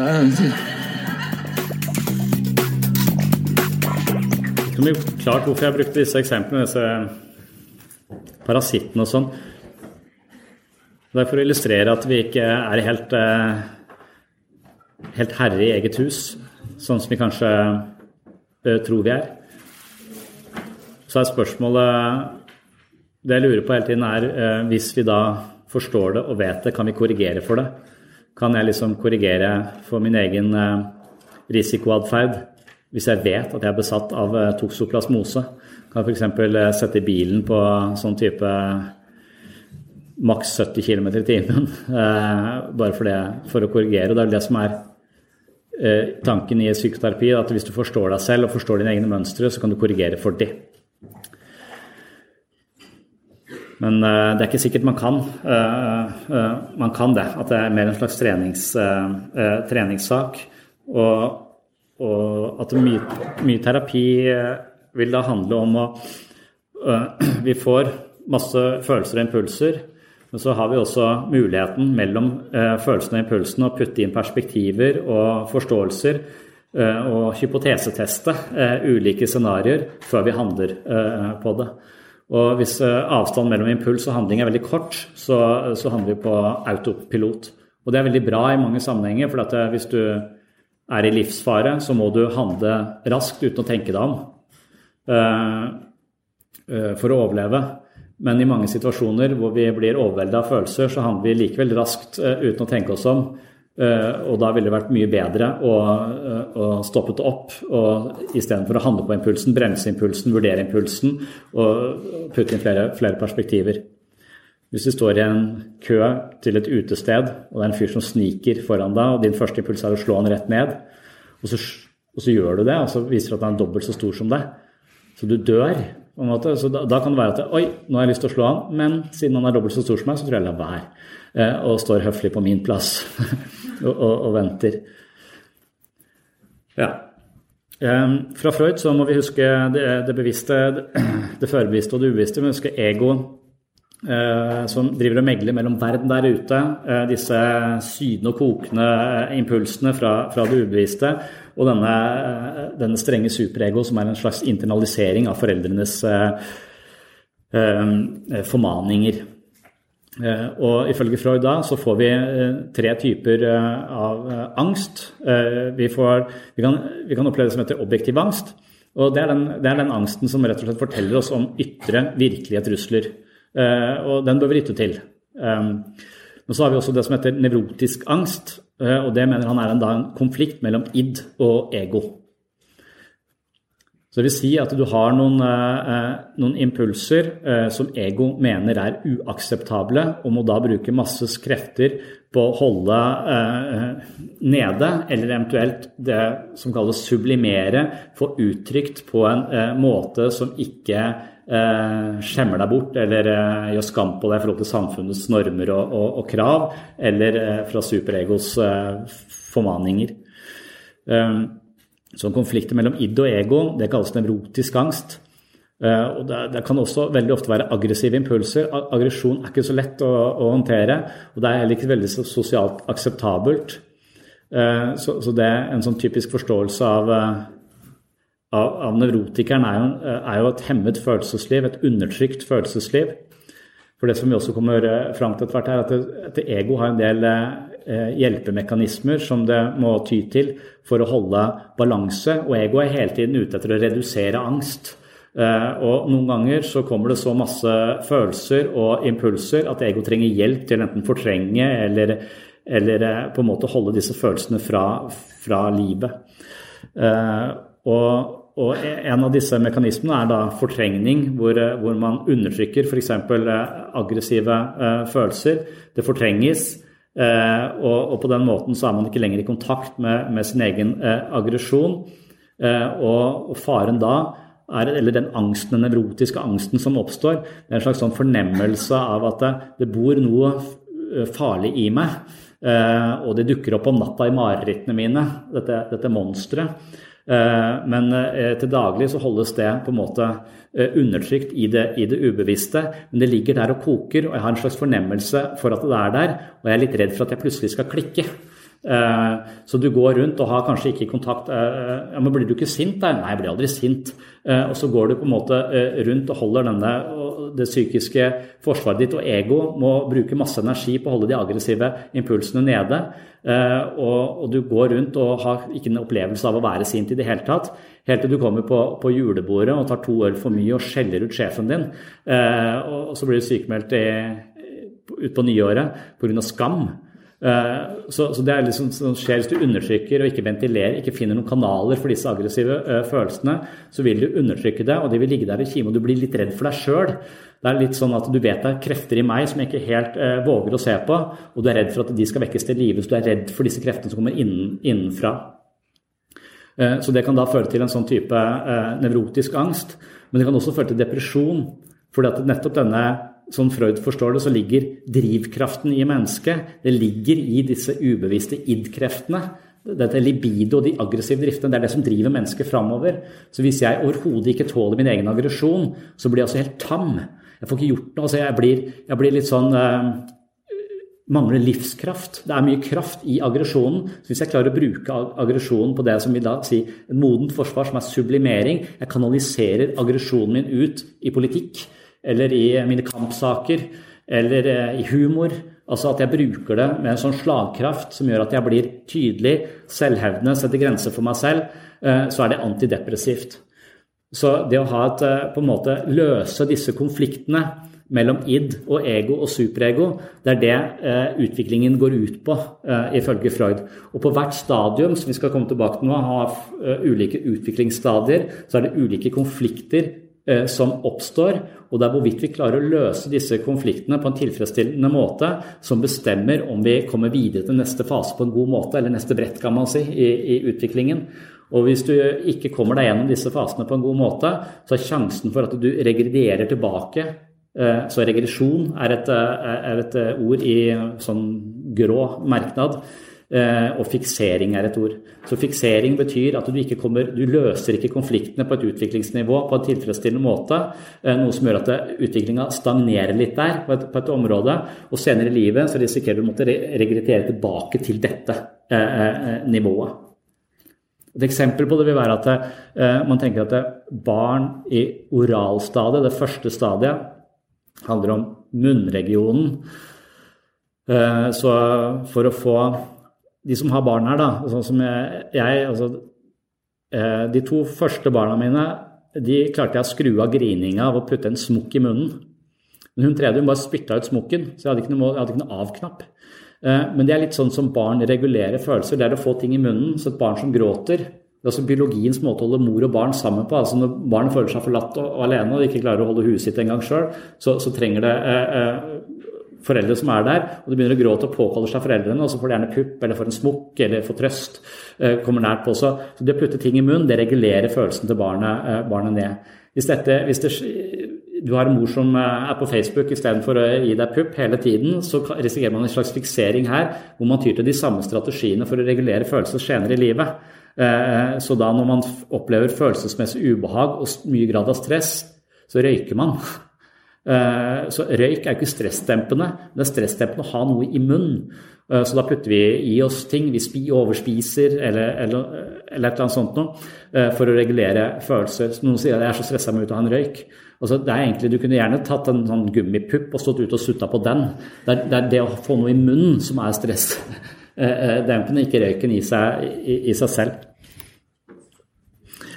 Så jeg vet ikke hvor lett det er å forstå disse eh, freudianske forklaringene eh, på ting. men eh, så Neurotisk angst er et begrep for han. Det er altså en konflikt mellom impulsene våre og, og ego. Det er som å forhandle mellom superego og omverdenen. Og så har du moralsk angst, som, mer, som, oppstår i konflikt mellom ego og, og, og superego. og superego er litt den der flink pike-syndromet, som kanskje ikke er noe syndrom. Jeg vet ikke, men, men et veldig strengt superego kan være Altså Det er nettopp å klare å megle mellom alle disse instansene. Hvis vi stenger helt av for id og bare er fornuftig, så blir vi den kjedelige mannen, som jeg satte siden av i psykoterapi. Altså Hvis du bare er fornuftig og ordentlig og prektig og dydig, så, så kan du bli veldig grå og trist. Eh, det er noe viktig i disse mer eh, impulsive drivkreftene eh, våre. Så, så, det å ha en slags god balanse mellom å være spontan og livskraftig og litt umiddelbar, og kanskje av og til være to timer for lenge på fest og drikke tre øl for mye, for det var så gøy der og da, Istedenfor å høre på superegg og sånn Nei, du må hjem og gjøre lekser, og du må gjøre det og du gjør det, og hvis ikke du gjør det, så er det noe der. Så, så, så, så, du kan jo Hvis du har et veldig strengt superego, så går du alltid for tidlig hjem fra fest. Eh, og du går glipp av en veldig viktig del av livet, som er nachspiel. så, uh, uh, så, så vi, og så er det noen som ikke har noe særlig superego, som er på nachspiel hele tida. Det blir jo heller ikke så veldig bra. De får ikke gjort en dritt i livet sitt. Så vi ser at balansen her er veldig viktig. Men det er ikke så uvanlig å ha et ganske sånn strengt moraliserende superego eh, som hele tiden driver deg videre i livet og ikke lar deg få lov til å nyte noe som helst. Eh, og, en helt, og da får du ofte det som helst moralsk angst. Det kalte Freud moralsk angst. Ja.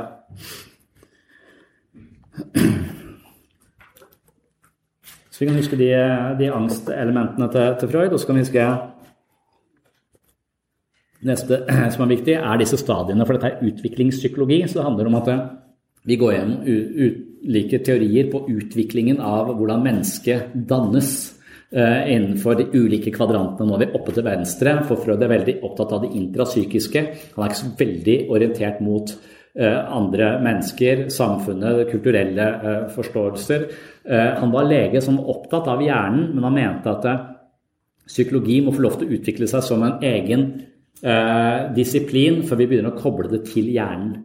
For alt det som skjer av opplevelser inni huet vårt, har et slags nevrologisk korrelat et eller annet sted.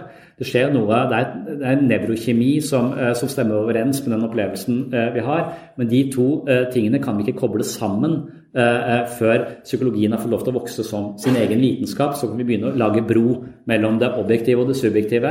Hjernen, opplevelsen av å ha den, den hjernen. Og Det har man begynt med nå i det senere, noe som heter neuropsychoanalysis, hvor man tar de beste nevrologene og de beste psykoterapeutene og ser om de kan snakke et eller annet felles språk. altså De kan ta av seg bind for og si ai, vi ser på samme elefanten, vi ser det bare fra forskjellige eh, synsvinkler. Hvordan hører dette sammen i en større forståelse? Og Der er bl.a. det hvor man beviser Freud og ser at ja, omtrent 95 eh, av alt som eh, foregår inni huet vårt, er ubevisst, også ikke tilgjengelig for bevisstheten vår. Så da på en måte beviser man, man Freud. Ehm, så, eh, og, dermed så har Freud fått en slags renessanse, eller psykoanalysen har fått en slags renessanse nå. fordi at det er mange som mener at det er en ganske tilfredsstillende eh, metaforisk forståelse av, eh, av menneskets indre liv. Så alle disse, disse metaforene, det er ikke noe som fysisk finner sted. Vi har ikke et ego. det er ikke et er ikke, det er ikke et sted for ego inni oss, det er mer en måte å forstå eh, menneskets psykologiske fungering på. Eh, som kan gi eh, gjenklag og, og, på en måte kaste lys over eh, måten vi er på og utvikler oss på. Og da er det disse, også disse psykoseksuelle eh, stadiene, hvor, eh, hvor, det første stadiet da er oralstadiet. Og det er sånn 0 18 måneder. og så, og, og, Freud snakket om denne eh, libido-driften, denne seksuelle driften, som han da mente også eh, kanaliseres ut i ulike organer. Først da munn, så kommer det til en analstadie, og så er det eh, kjønnsorganet falliske. Og, så, så, han, så, han, mener at denne, denne, drivkreften vår er fiksert på ulike kroppsdeler også, noe som er ganske sånn biologisk på en, på en måte. Så han har en, helt klart en sånn sko inn i den objektive leiren også. Så Neuralstadiet da, det handler altså om å tilfredsstille spenningsreduksjon og søkes fra munn, leppe og, og, og tunge. Så, så, det er dette med å, å, stimulere munnregionen når man er følelsesmessig eh, stressa. Og Kjernekonflikten ifølge Frode er sånn selvstendighet versus avvisning. og Det å altså ikke ha eh, noen som kommer og, og hjelper deg å stimulere, eh, eller gi deg en sutt eller gi deg omsorg. Uh, det vil kunne risikere at du blir værende i en type uro for lenge, og det kan skape type fikseringer. Um, så uh, fikseringer da i uh, oralstadiet, og alle har det, altså konflikter. Det betyr at ingen har en mor som alltid er der, eller en far som alltid er der med tåteflaska når, eh, når du er sulten. Du vil få små fikseringer. Men store eh, fiksering betyr stor omsorgssvikt, altså at barnet blir liggende eh, altfor lenge å, å gråte. Eh, man har eh, kanskje foreldre som, i, som er, er, deprimerte, ikke har kapasitet til å gi barnet en slags innførende omsorg og nærhet, og barnet er veldig opptatt av øyekontakt og blikkontakt på et veldig veldig tidlig, tidlig, tidspunkt. Så det er en slags kommunikasjon som foregår hele tiden. Har du foreldre som sliter med et eller annet, kanskje dårlig økonomi, kanskje det er eh, dødsfall i familien, kanskje en av foreldrene er syke osv. Så, videre. så Så de fleste Det skjer alltid faenskap. Livet kaster faenskap i trynet vårt av ulike årsaker. Eh, og Det vil alltid da påvirke barnet til, på en eller annen måte ved å være med på å forme personligheten.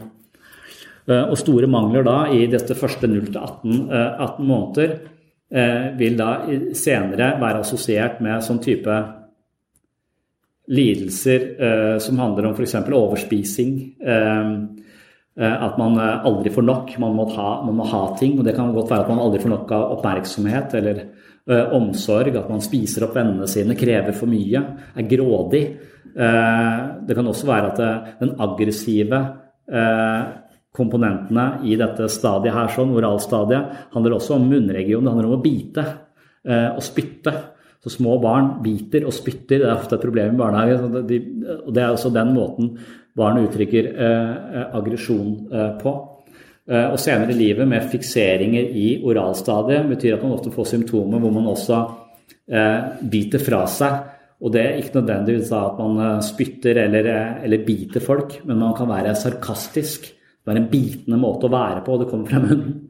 Eh, så man kaster sarkasme, eh, sarkasme ut. Og, og, man kan også holde igjen og være trassig i den der ved å ikke spise anorektikeren. Eller man kan bare spise masse eh, og så spy det opp, spy det opp igjen. Så dette er da type psykopatologi som man forbinder med fikseringer på tidlig, tidlig stadie. Jeg vet ikke om det gir, gir mening.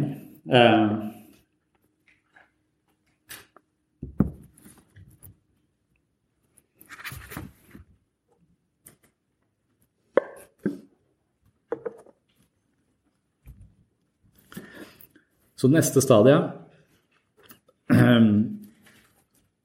det, det Freud mener, er at, at, når, at, vi har behov, og, det han tror, er at vi hele tiden søker driftstilfredsstillelse. Og da først ved munn, munnregionen. Og hvis vi forhindres fra å få driftstilfredsstillelse, så, så vil det skape eh, fikseringer og ubalanse og eh, små eh, Hva skal vi si uh, frø som kan bli til psykopatologi senere i, i livet. Og det neste stadiet det første handler om, om munn, og det er det barnet første, første barnet orienterer seg mot når det, et sunt og friskt barn kommer inn eh, på fødestua. Det er jo at det har, har det sugerefleks. Kan det kobles på og få næring, overlevelse? Det er jo pri, pri igjen. og Det er sånn også barnet får omsorg i de første, uh, første leveåra. Og så etter det så, eh, så kommer man til analstadiet. Eh, og dette handler om eh, da mener jo Freud at denne libido-energien er knytta til det anale. Og det er litt rart å tenke sånn. Man kan også se på det mer sånn metaforisk, hva det betyr. Og jeg vet ikke, katter igjen, de, de driver jo Hvis de mener at dette er mitt område, så bæsjer de uten å grave ned avføringen. Hvis de ikke er på hjemmebane, så graver de det ned. Så det er noe med å markere seg. Eh, og det er ikke sånn at mennesker går ut og bæsjer rundt forbi for å markere at dette er mitt, men vi har ganske mange andre strategier vi markerer oss eh, på, som kan tyde på fikseringer i analstadiet. Så det handler om å, eh, om å være selvstendig, om å være en, en, en aktør. Så de som har barn da, de vil oppleve at de plutselig får en slags diktator med bleie på en måte, som lever eh, rundt og skal bestemme, eh, bestemme alt. Um, og, og, og, kjernekonflikten er da selvkontroll. Og, og fiksering kan være til lite kontroll og utflytende, overdreven kontroll og patentlighet. Man tenker fikseringer i analstadiet. Hvis man f.eks. ifølge Freud da begynte pottetrening for tidlig og veldig streng på dette her og og om renslighet og overpertentlig. Altså, jeg har en kollega som jeg klikker på våtservietter. Mener at foreldre går altfor mye rundt med, med våtservietter. Eh, hun er ikke psykoanalytiker, så hun tror ikke at folk blir, får fiksering i analstadiet. Men hun tror at de får en type psykopatologi som handler om OCD, bakterieangst, må vaske hender hele tiden, åpner dører på denne, på denne måten her så vi ikke skal få bakteriene. Jeg vet ikke hvorfor det er bedre å ha bakteriene her enn her. Altså her vasker vi ikke så. Men så, så at man får, får en type psykopatologi som handler om at man gir fullstendig faen alt bare flyter, eller at man har stålkontroll og blir helt rigid. Så, så det er analstadiet til Freud. 18 til 3, til 3, til 3 år. Og så kommer det falliske stadiet. I 3 til 5 år. Da oppdager barnet kjønnsorganet. Seksuell energi rettes mot foreldre av motsatt kjønn. Og det fører til det som da kalles ødipalkonflikten, eller elektrakomplekset. Kastransjonsangst, penismisunnelse, identifisering med foreldre av samme kjønn. Dette er sånne freudianske begreper som er litt spesielle, men som likevel har ideen til, til Freud med dette Ødipus-komplekset, som, som, på en måte funker for, bedre for gutter enn det gjør for damer. Da. Den der sammenhengen i ideen hans om jenters utvikling er ikke så lett å forstå som, den, som, som gutter. Men dette, det, når man kommer til dette falliske stadiet, så er ideen til, til Freud at det, seksualiteten er retta mot kjønnsorganet, og man får også varme følelser retta mot foreldre av motsatt kjønn. Sånn at barnet da på tre år er på en eller annen måte forelska i mora si. Og, og, får da se på far som en slags konkurrent.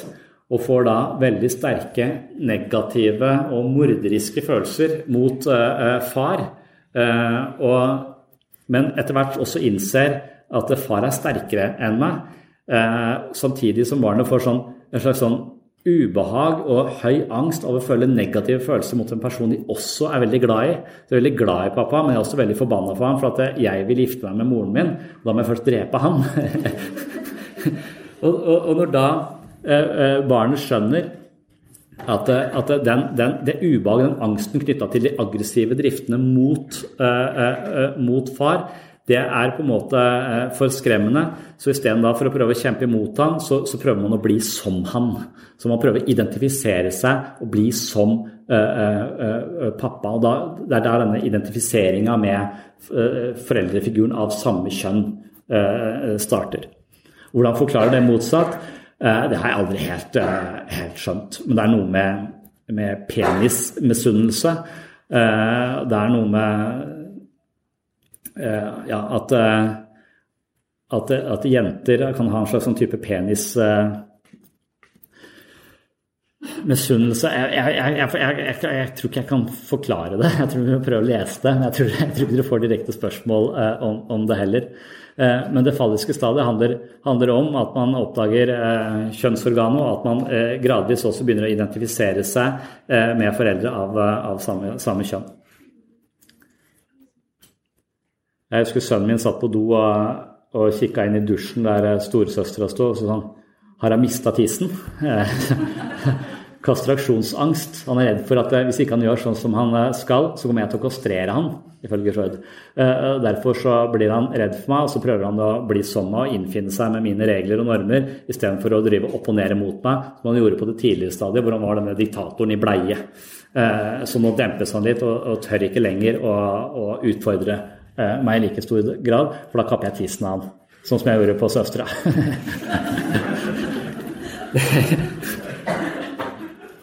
Ja.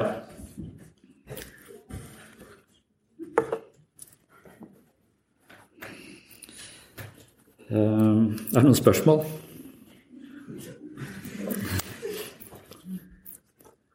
Dette er klart.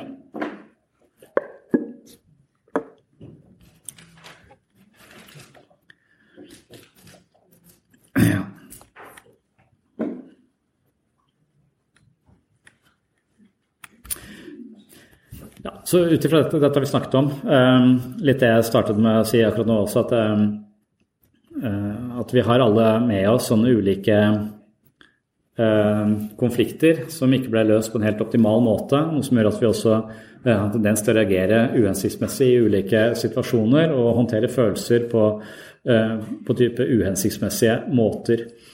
Eh, så alle våre reaksjoner har da en eller annen sånn forankring i tidligere erfaringer med de konfliktene vi hadde med våre nærmeste, og, denne eh, håndteringen vi hadde av disse seksuelle impulsene i ulike, eh, ulike retninger. Eh, så for å få kontroll på dette, så mente Freud at man måtte forstå disse, disse ubevisste kreftene. Og så har du undertrykt sinne, så må du på en eller annen måte komme i kontakt med det. Du må forstå det, om du finner en måte å uttrykke det på for å på, en måte gjenoppleve konflikten på nytt. Da. Hvis du hver gang du ble sint, ble slått f.eks. Og, og ble kastrert. Ikke sant? Det, det er der kastraksjonsangst. Det høres ut med en gang du tar det og visualiserer at det kappa av tissen, så blir det helt meningsløst. Men idet du forstår det metaforiske i kastraksjonsangst, så kan man på en måte forstå det på en annen, eh, på, på en annen måte. Altså, det handler om analstadiet. Det handler om å nå får vi PTSD.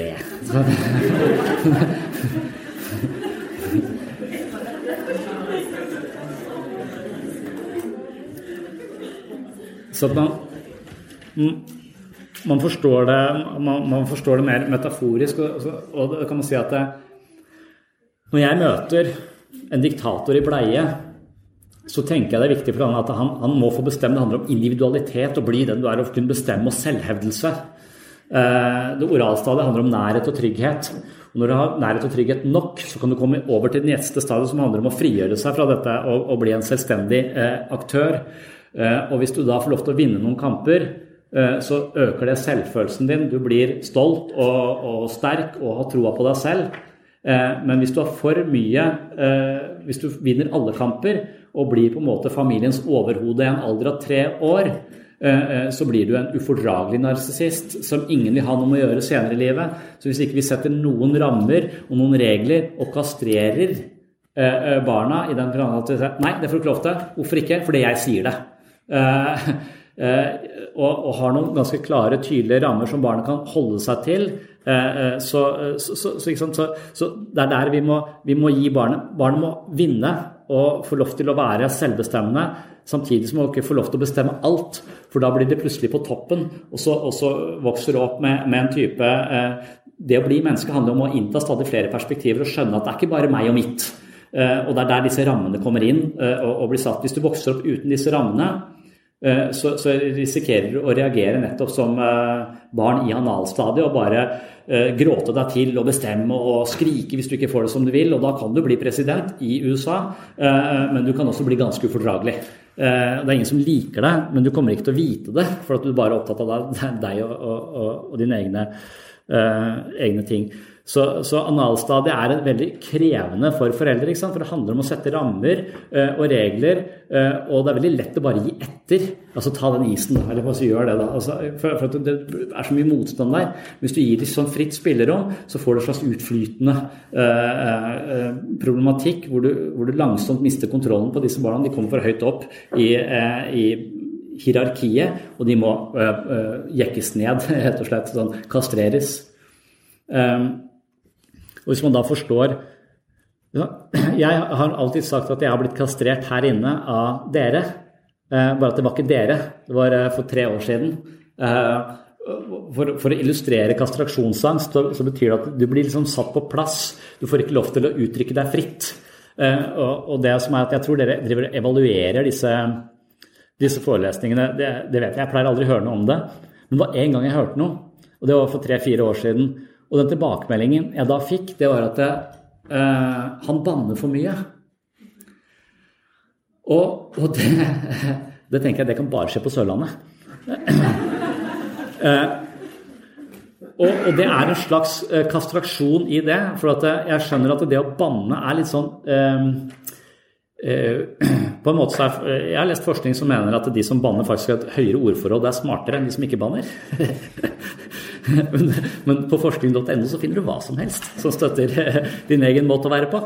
Eh, men, men, i hvert fall så, så, hvis jeg kan uttrykke meg akkurat så på kanten som jeg føler er riktig, og såpass halvaggressiv altså, Det er en drivkraft i det for meg.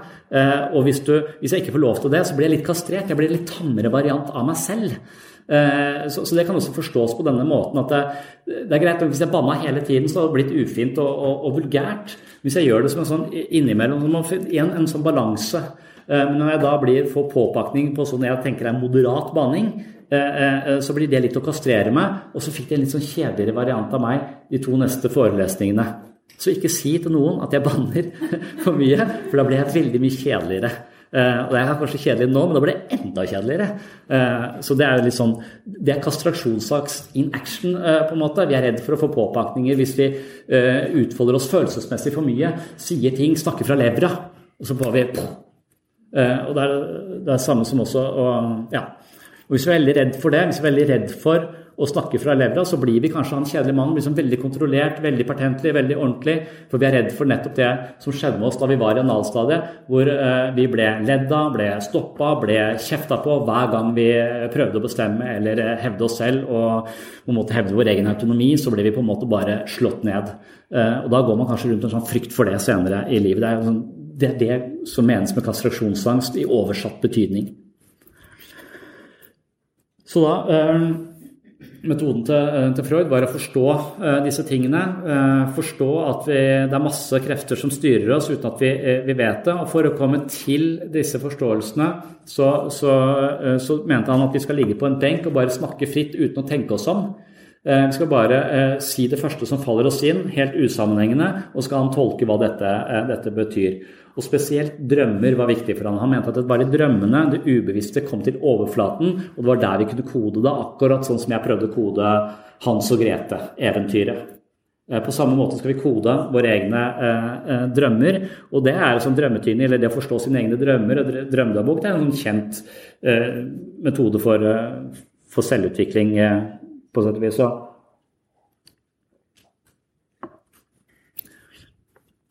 Og, og ideen som vi har fra Freud, er at denne frie assosiasjonen, eller drømmene våre, som er kongeveien til det ubevisste, hvis vi klarer å sette ord på det, hvis vi forstår det, hvis vi forstår konfliktene, så kan vi på en måte løse konfliktene og frigjøre oss fra de, eh, sånn at vi lever videre på en bedre måte. På en litt enklere måte kan man si at det handler veldig ofte om å tåle aggresjon og tåle eh, forbudte følelser. Tåle vårt eget eh, mørke, eh, på sett og vis, eller, eller alle våre lyster. Eh, som vi syns er eh, sosialt uakseptable. Og det, det, er, den samme ideen som vi finner kanskje hvis vi leser eventyr på denne måten. At, eh, at, i de fleste eventyr så lever en eller annen by i frykt for trollet som er ute i, i skogen. Og det betyr at de går alltid inn før det blir mørkt. De går alltid to og to sammen. De går aldri utenfor bymurene. Så byen lever i en slags nevrotisk angst eh, som, som, gjør at de hindrer seg i å utfolde seg. Eh, og så er det en eller annen sånn blåøyd fyr som heter Espen Askeladden, som da på en måte eh, ikke er like fanget av disse, denne frykten som de andre. Så han tenker jeg må ut og møte, møte trollet. Og så går han ut eh, på kvelden og, og møter, eh, møter, trollet. Og enden på visa er at det, noen ganger så viser det seg at trollet ikke er farlig, det er bare misforstått. Det ser stort og skummelt ut, men egentlig så er det ikke så farlig. Eh, andre ganger så er trollet farlig. Hvis du klarer å lokke det ut i lyset, så eksploderer det. Eller hvis du finner navnet på trollet, så eksploderer det. Og alle disse måtene å løse disse konfliktene på eh, kan ligne på menneskets forhold til sitt eget indre liv hvis vi klarer å sette ord på følelsene våre, hvis vi klarer å forstå vår egen aggresjon og, og gi den et språk og et uttrykk Eh, som er eh, akseptabelt som en drivkraft, så blir vi friere. Hvis jeg får lov til å banne innimellom, eh, så, så, trenger jeg ikke å undertrykke disse impulsene, og får heller ikke da noe troll i meg. Så min småbanning handler om å ikke, ikke gå rundt i frykt for trollene i meg selv, for trollene kommer til uttrykk sånne, i sånne små, uh, små, episoder hvor jeg praktiserer det som kanskje er uh, var en, var en terapeut som sa til meg at du skal praktisere um, moderat, kontrollert, grenseoverskridende atferd. Eh, og det er vel kanskje det jeg gjør. så Prøver å uttrykke følelser i det jeg er når de er der, istedenfor å holde de uh, unna, livet, for da blir de til troll. Og da begrenser de meg. De gjør meg redd for meg selv. Uh, og det er det samme som utspiller seg i, i, eventyrene. Finner du navnet på trollet, eller får troll ut i lyset, så eksploderer det. Samme med følelser. Følelser vi ikke har noe språk for. Følelser vi er redde for. Følelser, de, de vil gi oss hjertebank, vondt i magen, diaré, svimmelhet og kvalme. Alt det vi ikke klarer å håndtere psykologisk og forstå, det blir til kropp. Det blir til kroppslige symptomer. Derfor så har barnet som ikke har noe språk og forståelse for dette, ofte mest kroppslige symptomer. Et barn som føler seg utenfor på skolen eller er redd, ikke, ikke, gir ikke en god psykologisk forklaring på ubehaget, det psykologiske ubehaget jeg opplever i klassen. Det har bare vondt i magen og vil ikke på skolen. Uh, i mangel på et annet, eh, på et annet språk. Uh, så det Freud på en måte krediteres for, er at han, han gir oss en oppmerksomhet på dette indre livet. og Når vi først har begynt å se på det, så har vi masse teorier som gir det et språk. Og når vi får et språk på det, så kan vi se det, og vi kan håndtere det psykologisk og ikke fysisk. Og det var det som Freud begynte. altså Hans pasienter var jo ofte, de hadde, var jo ofte hysteriske. Noen av de var nesten lamme. Mange av de eh, konfliktene de hadde i denne viktorianske tiden Han, han behandla jo stort sett overklassefruer i Wien. Eh, og, og deres problem var jo først og fremst undertrykkelse av følelser. De kunne ikke smile på bilder engang. Skulle være så patente ordentlige. Og til først så hopa det seg opp med, med følelser som, eh, som, gjorde de da eh, Noen ble helt lamme. De fikk fysiske eh, eh, symptomer. Så det handla om å gi dette her et språk og håndtere det mer, mer psykologisk. Et helt konkret eksempel fra mitt eget liv som jeg eh, pleier å, å, å si for å avslutte Freud, så går vi til forsvarsmekanismer i, i siste time. Det er det mest spennende. dette, det er Forsvarsmekanismene de gir oss en bedre forståelse for hvordan psyken fungerer. og Det er Anna Freud, dattera til Freud, som, som videreutvikla på bakgrunn av det Freud hadde Eh, hadde funnet ut da, så langt. Men, men det å gi, gi, vårt indre liv et språk, det gjør at vi kan håndtere følelsene våre på, på en bedre måte. Og mitt sånn typiske eksempel som jeg har snakket om 100 ganger, det var at jeg, jeg ble tvunget til, eh, til, å gå på babysang med, eh, med den første dattera vår. Og så har jeg et ganske strengt superego. Det betyr at hvis noen sier til meg at det må du gjøre for at babysang er viktig for din datters musikalske utvikling. Jeg vet ikke hvorfor jeg gikk der. Jeg husker ikke begrunnelsen. Jeg bare følte at jeg måtte det. Og jeg følte i det hele tatt det å bli pappa var jo øh, angstproduserende til langt inn i neste uke. Altså det, det var, synes jeg, jeg syntes det var rart jeg skulle ha med den babyen hjem fra sykehuset. Eh, jeg tenkte det er jo helt uforsvarlig. Det er ikke lenge siden jeg var backpacker i Thailand. Jeg tok ikke ansvar for noe som helst. Nå skal jeg ta ansvar for et annet liv. Jeg må være sinnssyke her på dette sykehuset. Eh, men måtte ha, vi måtte ha den med hjem. Men heldigvis var det kona mi som skulle være hjemme med, eh, med babyen. Jeg kunne gå på jobb og gjøre det jeg pleide å gjøre. Da veit jeg hva, til en viss grad hva jeg driver med. Når jeg kom hjem, så hadde jeg ikke peiling. Og når det da var min tur eh, til å være i pappaperm tre måneder, så fikk jeg bare en bag med bæsjebleier, og så dattera mi her. Og så fikk jeg beskjed om at ja, hun liker å gå på baby, babysang hver tirsdag i Søm kirke. Uh, og allerede der så kjente jeg høy grad av angst, altså, eller vondt i magen, sånn smerte inni, inni ryggraden nærmest. Men pga. dette strenge superego så gjør jeg det som jeg mener, så gjør jeg det jeg blir fortalt. Så jeg går ut i Søm kirke og kommer inn i en, en, kirke hvor det sitter 16 damer i ring og nynner. Eh, og, og så setter jeg meg sammen med det, men hjertet mitt slår så fort og høyt at, det er i utakt med musikken, så jeg klarer liksom ikke å nynne med, for det er i utakt. Eh, og det svimler for meg. Så, så problemet her er jo at eh, kroppen min reagerer som om jeg plutselig befinner meg i Syria. Men egentlig så er jeg i en kirke på Søm med damer som er helt ufarlige. Eh, men hele reaksjonen min er helt, eh, helt utilpass. Jeg, jeg, tenker dette er livsfarlig, så jeg må evakuere denne bygningen her. Eh, og så får jeg en bæsjebleie i tillegg, så da må jeg bare komme meg, meg, ut. Og Det er det at jeg får et slags panikkanfall der inne. Jeg reagerer veldig kroppslig med høy puls og mye svette og svimling for øynene. Fordi alt blodet Det som skjer når du får høy grad av angst, er jo gjerne at øh, kroppen øh, reagerer på en faresituasjon. Og da begynner blodet å pumpes ut i de store muskelgruppene og vekk fra hodet, sånn at du skal reagere enten med å angripe eller stikke av. Eh, så jeg får masse blod ut i, i armene og i beina. Men det å angripe de damene passer jo ikke. Og det å løpe ut passer jo heller ikke. Så reaksjonen min er jo helt feil i forhold til, eh, til eh, kaliberet på denne situasjonen. Hadde jeg vært i krig, så hadde det vært passe. Men jeg var ikke jeg var på babysang med dattera mi. Og, og, da er spørsmålet hvorfor reagerer jeg sånn? Jeg reagerer jo helt åpenbart eh, feil. Og det å gjøre det ubevisste bevisst altså da, da, var det ofte, var det, På det tidspunktet var det Knausgård som hjalp meg. For Knausgård han har brukt seks bind på å kikke inn i seg sjøl og finne ut av hva er det som foregår der inne. Så har han skrevet det ned. Så i den perioden så leste jeg Knausgård, og der sto det uh, om menn på babysang. Og da kunne jeg lese på en måte 20 sider kunne jeg lese om hvordan Knausgård hadde det på babysang, og hans forståelse av det. Og da skjønte jeg hva som skjedde. for Da sto det at menn på babysang står i fare for å miste sin maskulinitet og bli impotente. Så det. Og Da er det ikke rart jeg reagerte med, med, med frykt. Eh, så dette var på en måte truende for min maskulinitet på en eller annen måte. Det var jo ikke krig, men det var truende for meg. Eh, og det å forstå det, det gjør at jeg kunne håndtere det med innsikt Eh, og jeg kunne være forberedt på det, og jeg kunne undersøke min egen maskuline trygghet eller ikke-trygghet. Jeg kunne gå i psykoterapi i tre år og jobbe med dette her, hvis jeg var interessert. Det gjorde jeg ikke. Eh, men, men, det ga meg en forståelse for min egen reaksjon. Når jeg forstår reaksjonen min, så kan jeg også korrigere for den, eller jeg kan forberede meg på det.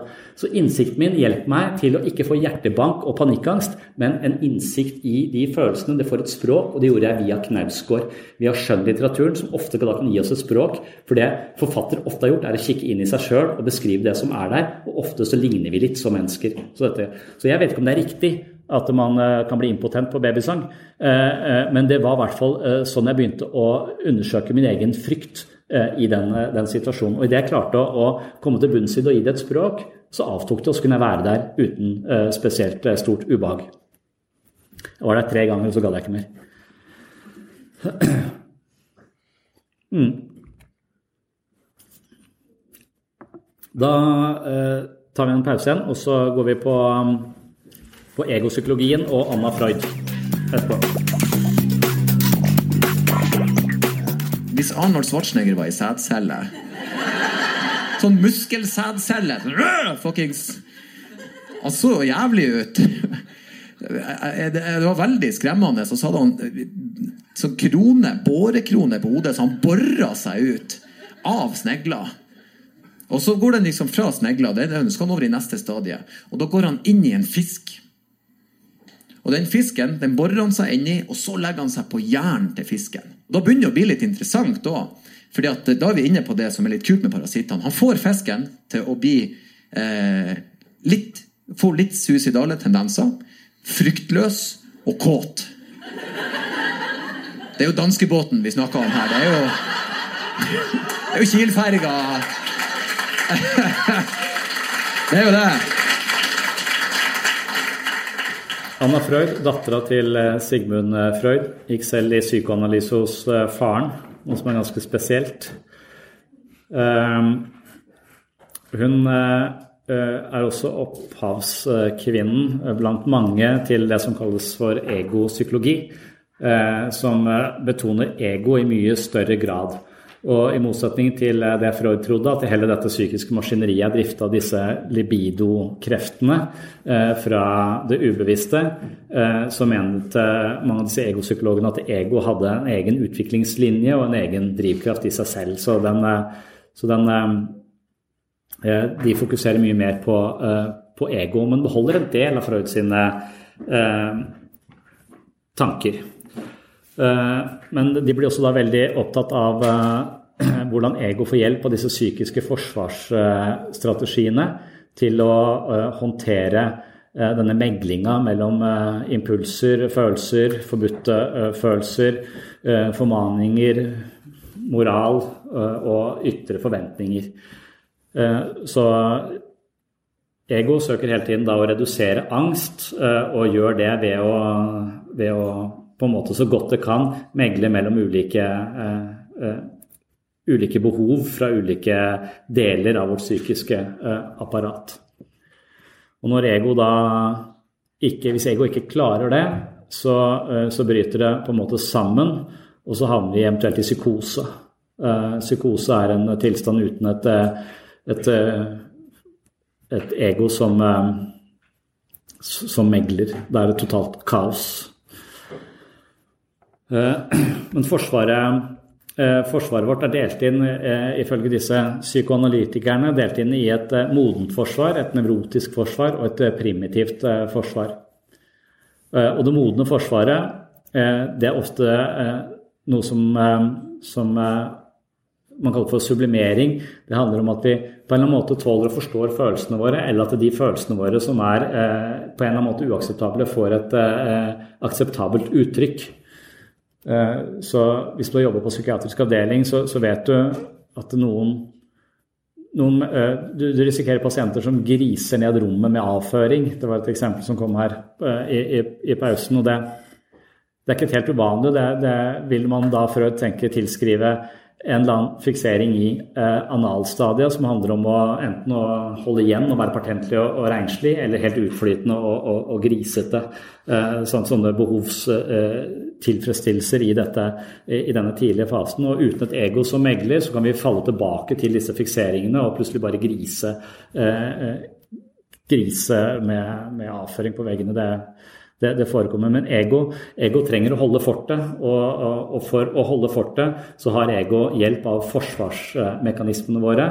Eh, og det er akkurat som at kroppen vår har et, et forsvar, så har også psyken vår et tilsvarende forsvar. Kroppen har et immunforsvar, så har også psyken vår et immunforsvar. Eh, og dette psykiske immunforsvaret beskytter oss da mot impulser og følelser som ligger over terskelverdien for det vi makter å, å ta inn over oss og håndtere og forstå. Ehm, så, så, hver gang det kommer følelser som er for sterke, eller impulser som er for sterke, så vil Forsvaret kunne um, undertrykke det eller uh, tilskrive det noen andre enn oss selv. Det primitive forsvaret putter følelsen utenfor uh, seg selv. Vi skal se hva det, hva det betyr. Men det modne forsvaret betyr at vi har et ganske sterkt ego som opererer på modne forsvarsmekanismer, tar ansvar for følelsene, forstår følelsene i, i seg selv og finner et adekvat uttrykk for den følelsen. Eh, så da vil man si at man kan sublimere disse behovene man har, fra å være disse barnslige behovene for å grise med, eh, med, med bæsj, f.eks., eller noe sånt noe, så vil man kunne sublimere det ut i fingermaling. Det er eh, eksempler fra, fra boka fra pensum her, at Anna Freud mente at uh, fingermaling var en slags sånn sublimering av undertrykte eller ikke tilfredsstilte behov i anal. Eh, eh, fasen. Men uten dette ego som klarer å sublimere det i det et uttrykk, så blir det bare eh, psykopatologi og det vi vil si på, som galskap eller, eller, vanskelig å forstå hos et voksent, voksent, menneske. Det er ikke helt unaturlig hos et barn. altså Det er opptatt av, av dette. og ja, så, så, sublimering det er rett og slett at vi, vi, vi klarer å gi disse kraftige følelsene, f.eks. aggresjon. Freud snakket også om libiden og snakket også om Thanos, som var denne dødsdriften, en mer sånn destruktiv drift, som man aldri helt klarte å forankre sånn veldig godt teoretisk. Ble ikke noen sånn veldig god forklaring på, på, dette her. Men litt åpenbart at vi også har noen destruktive eh, krefter i oss, og noen aggressive krefter som spesielt utspiller seg i dette analstadiet, hvor det handler om å, finne sin plass i flokken. Det handler om å, selvhevdelse og 'her er jeg, og jeg kan stå på mitt', og det er noe mer sånn aggressivt eh, over det. For aggresjon er altså selvhevdelse. Aggresjon er en følelse som dukker opp når vi hindres i å nå målene våre, eller noen, noen tråkker oss på tærne, så reagerer vi og setter grenser eh, for oss selv. Um, så, uh, så aggresjonen må også uh, men, men, for mye aggresjon må også finnes, finne et eller annet utløp. Og hvis vi undertrykker det, så kan det bli angst. Vi kan bli redd for oss selv. Vi blir redd for å klikke, redd for å miste kontrollen, redd for å utagere på julebordet. Så, så Eh, vi trenger å finne et adekvat uttrykk for dette, og sublimering er da en måte eh, som vi f.eks. gjennom fingermaling eller kunst, eh, kanskje musikk Det går en sånn myte om at folk som driver med dødsmetall, er så innmari snille og bedagelige privat. Og så når de står på scenen, så ser det ut som de har stått opp fra helvete, og de tygger blod, og de skriker noe jeg ikke forstår. og så Det ser ut som Satan, liksom. mens mens da har de kanskje nettopp funnet et, et, et veldig sånn kulturelt akseptabelt uttrykk for dødsdriften, for de kraftige følelsene. Og folk ser på det og heier og roper og klapper og applauderer det.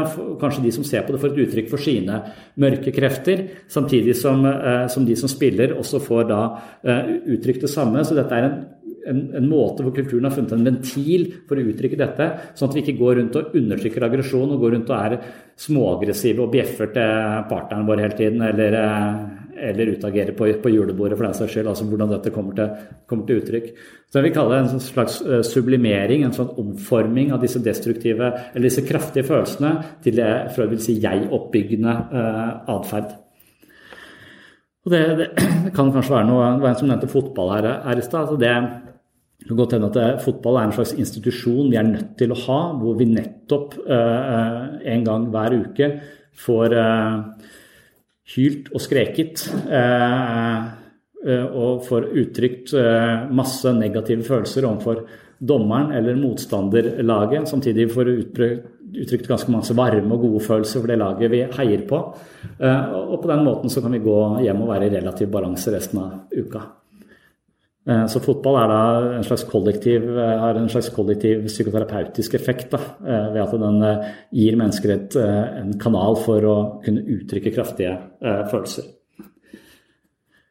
Så det modne forsvaret betyr rett og slett at vi tåler følelsen, vi får uttrykt følelsen. Vi finner kanskje forfattere, malere, de som elsker fotball. Altså at vi har at det er vår, egentlig vår oppgave å kanalisere kraftige følelser på en sånn måte at de slipper å bruke de mer primitive eller nevrotiske forsvar, eh, forsvarene. For det nevrotiske forsvaret det betyr at ego det, det, det er følelser som er, truer egos eh, på en måte hegemoni eller kontroll. Det vil eventuelt da få hjelp av eh, det mer nevrotiske forsvaret hvis vi ikke klarer å håndtere det på en moden måte, og det vil undertrykkes. Så nevrose betyr å undertrykke, vi har vært inne på det.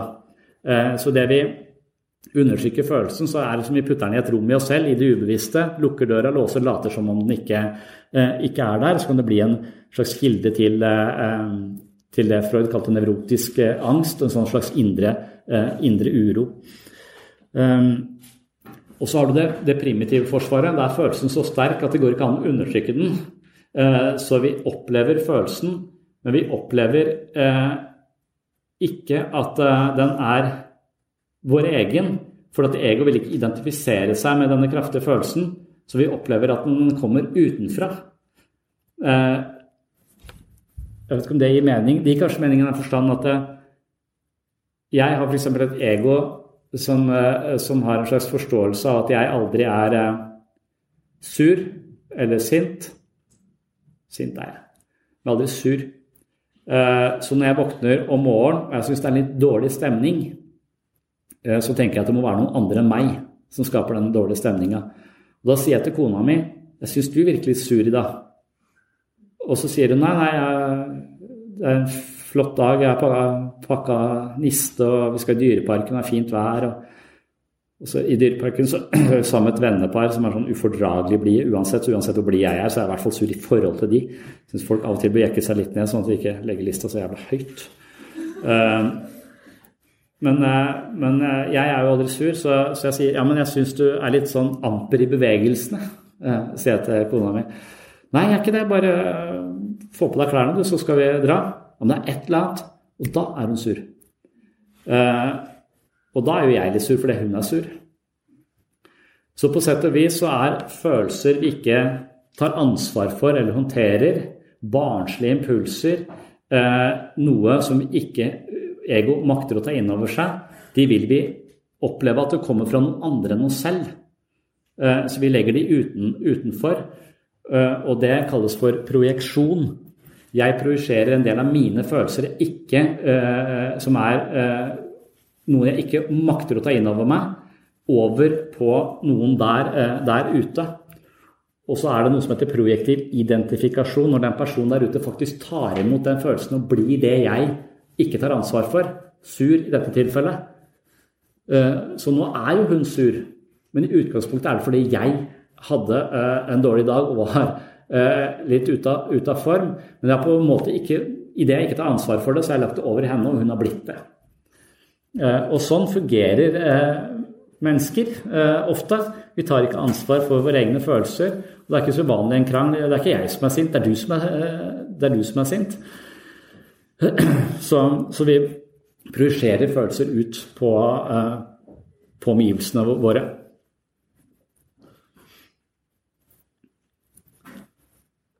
Og dette er da også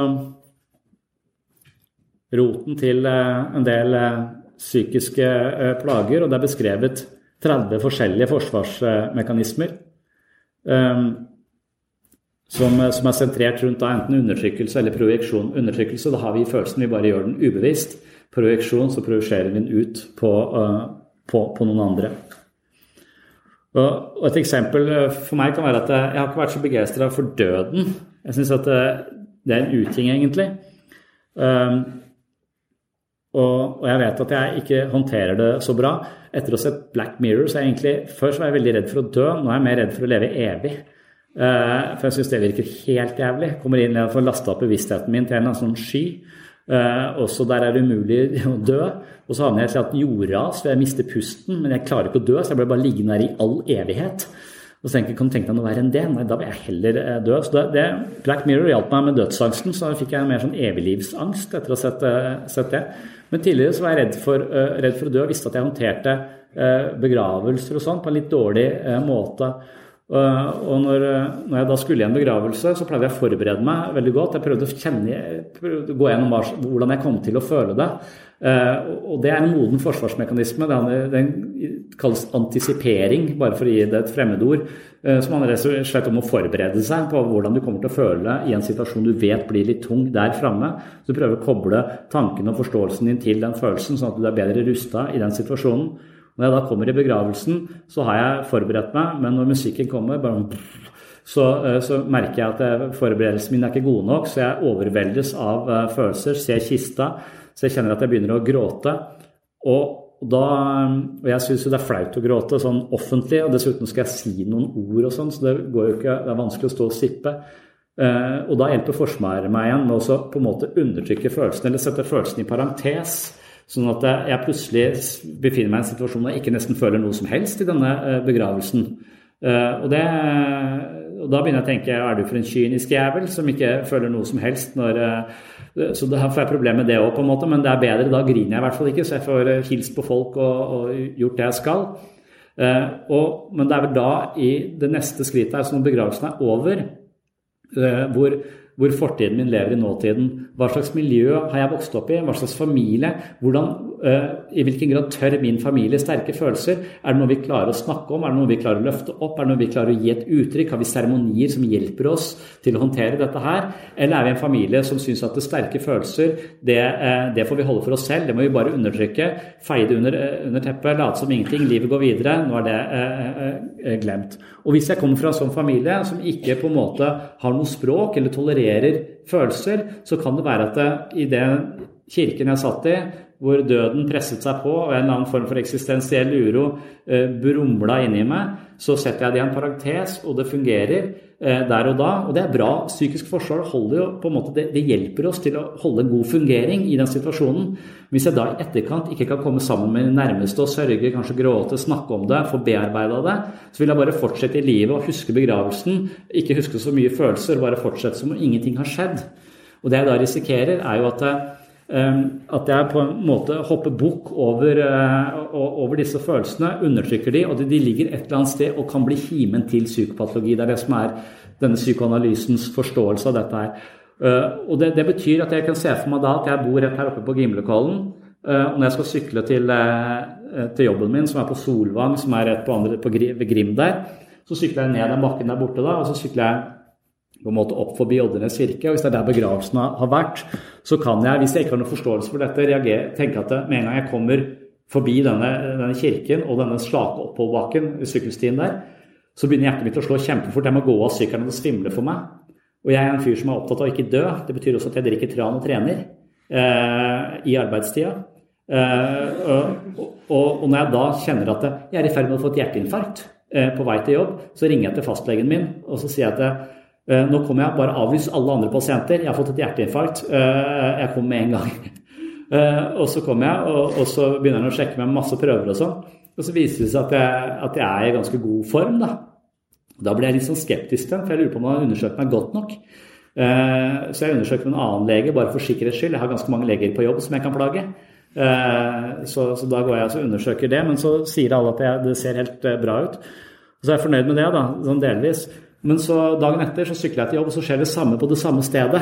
Opp den slake bakken forbi Oddernes kirke. Og, og først at Det føles som hjerteinfarkt, og da tenker jeg det. Men hver gang det, det jeg er redd for i andre omgang, er kreft. For uansett hva jeg googler, så får jeg kreft på et eller annet tidspunkt. Så Derfor så, så er jeg sikker på at det er en eller annen kreft jeg øh, har fått. Og da er ringer til fastlegen igjen. Avlys alle pasienter. Nå kommer jeg med en gang. Dette er viktig. Uh, og når du holder på sånn lenge hos fastlege, så vil de på et eller annet tidspunkt si at jeg tror du skal til en lege som heter Ingvar Wilhelmsen, som driver noe som heter Hypokonderklinikken på Vestlandet. Så jeg henviser deg dit. Og det tar jeg som en fornærmelse. Eh, og jeg, skjønner nå at denne fastlegen ikke tar meg på alvor, men heldigvis så kan vi jo skifte fastlege fire ganger i året, så er det bare å skifte. Eh, og så kan du kjøre en ny runde hos eh, neste, neste, fastlege med ulike grader av fysiske symptomer, som er symptomer da på ulike grader av ja, sykdommer. Du, når du da har en del legevenner, så, så har du også har jeg en viss fantasi, ganske fantasifull når det gjelder tanken om hvilke sykdommer jeg kan være rammet av.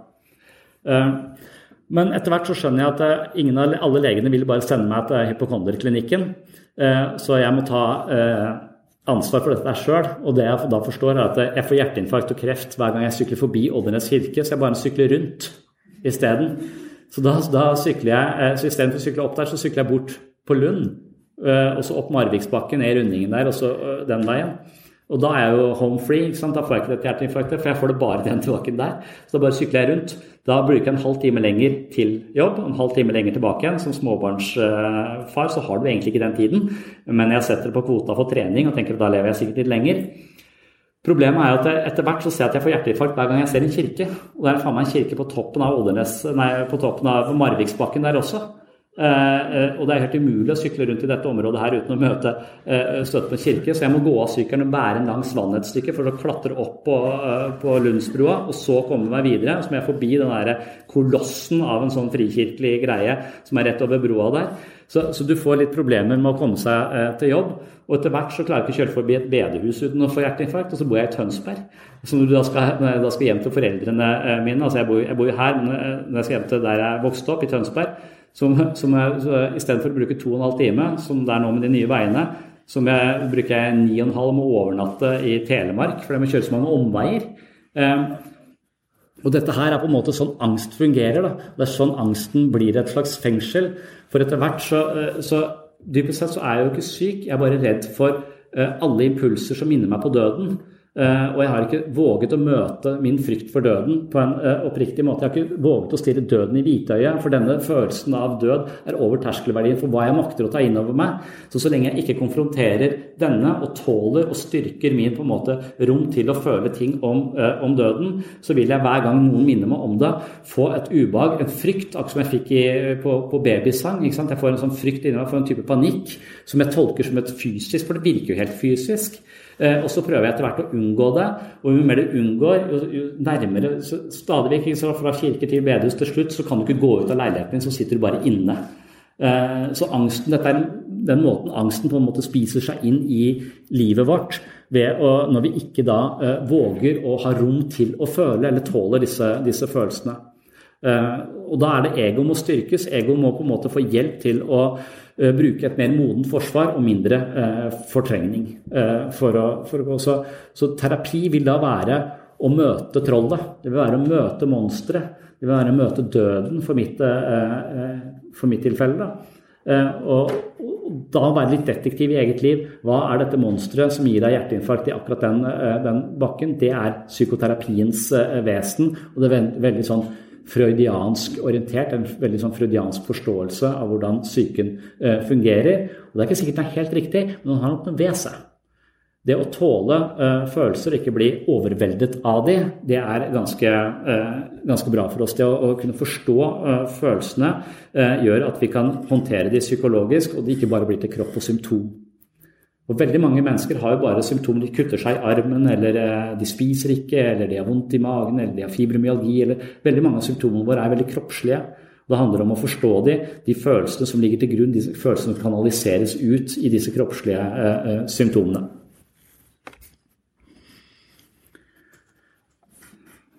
Vi har kanskje ikke så mye tid ennå, eller? Ja, litt.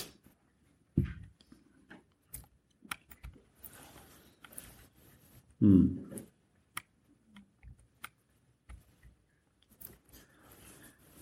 Ja. Vi kommer til å snakke mer om dette, dette neste gang. For uh, i, neste gang så kommer vi til å gå fra, fra denne freudianske eh, psykoanalytiske tankegangen eh, og egopsykologien er mer opptatt av eh, menneskets forhold til omverdenen også. Eh, og det legger vekt på disse forsvarsmekanismene. og legger vekt på ego, som skal på en måte eh, forholde seg til omgivelsene våre. Og så går vi over i det som kalles objektrelasjoner, som, som nettopp kritiserer Freud og psykoanalysen veldig for et veldig sånn snevert fokus på individet, og ikke ser i hvilken grad individet formes av alle omgivelsene eh, og miljøet, eh, miljøet, rundt. Så det blir da objektrelasjonsteori og Fairbairn og Winnicott og sånn, som vi skal gjennom. Eh, blir det på onsdag, kanskje? Er det stemmer det? Ja, på onsdag. Eh, men vi må ha med oss eh, disse, disse tingene eh, fra, fra, psykoanalysen, for de ligger på en måte grunnlaget for alt. Og all ny teori blir på en måte utvikla i sparring med, med, psykoanalysen. For det, har sånn, det, det, forteller veldig mye viktig om det å, det å være menneske. Og de, disse forsvarsmekanismene det, de står det en del om i, i, i boka. Det er også Anna Freud har et eksempel eh, hvor, hun, eh, hvor, hun, beskriver en jente som eh, vokser opp som en av de eldste i en søskenflokk på sånn seks-syv. Det er veldig mange søsken. Og hun blir da Hun får hele tiden hun mangler en del oppmerksomhet fra mamma fordi at mamma hele tiden er gravid og får nye barn og er gravid og får nye barn. Så, så den oppmerksomheten hun søker fra, fra, moren, den blir hun på en måte snytt for. Uh, og det gjør at hun blir rasende uh, på moren sin. Veldig opposisjonell, veldig trassig i analstadiet også. Veldig, veldig trassig. Men idet hun har disse veldig negative følelsene knytta til mammaen sin, som hun også elsker så høyt, så blir det en sånn eh, dissonans inni henne, og hun blir veldig høy grad av angst knytta til disse kraftige, destruktive følelsene jeg har for mammaen min. Så i det at hun merker at uff, jeg må jo være en ond person som føler så ondt for, uh, for mamma. Det er ikke rart at mamma ikke ser meg, uh, fordi at jeg er jo så, uh, så ond i min negative følelser for, for, henne. Og da vender barnet, eller den unge jenta, vender sinnet innover og tenker at det er du som er en dårlig person. Det er pga. at du er så, uh, så, ond at hun ikke vil ha noe med deg å gjøre.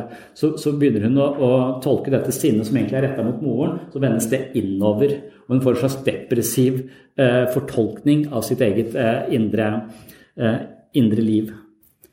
Og i voksen, etter hvert som hun da får denne strategien på når hun møter motstand, så er hun redd for sin egen aggressive kraft utad, som om hun er sånn morderisk. Barn er redd for disse kraftige impulsene som går utover.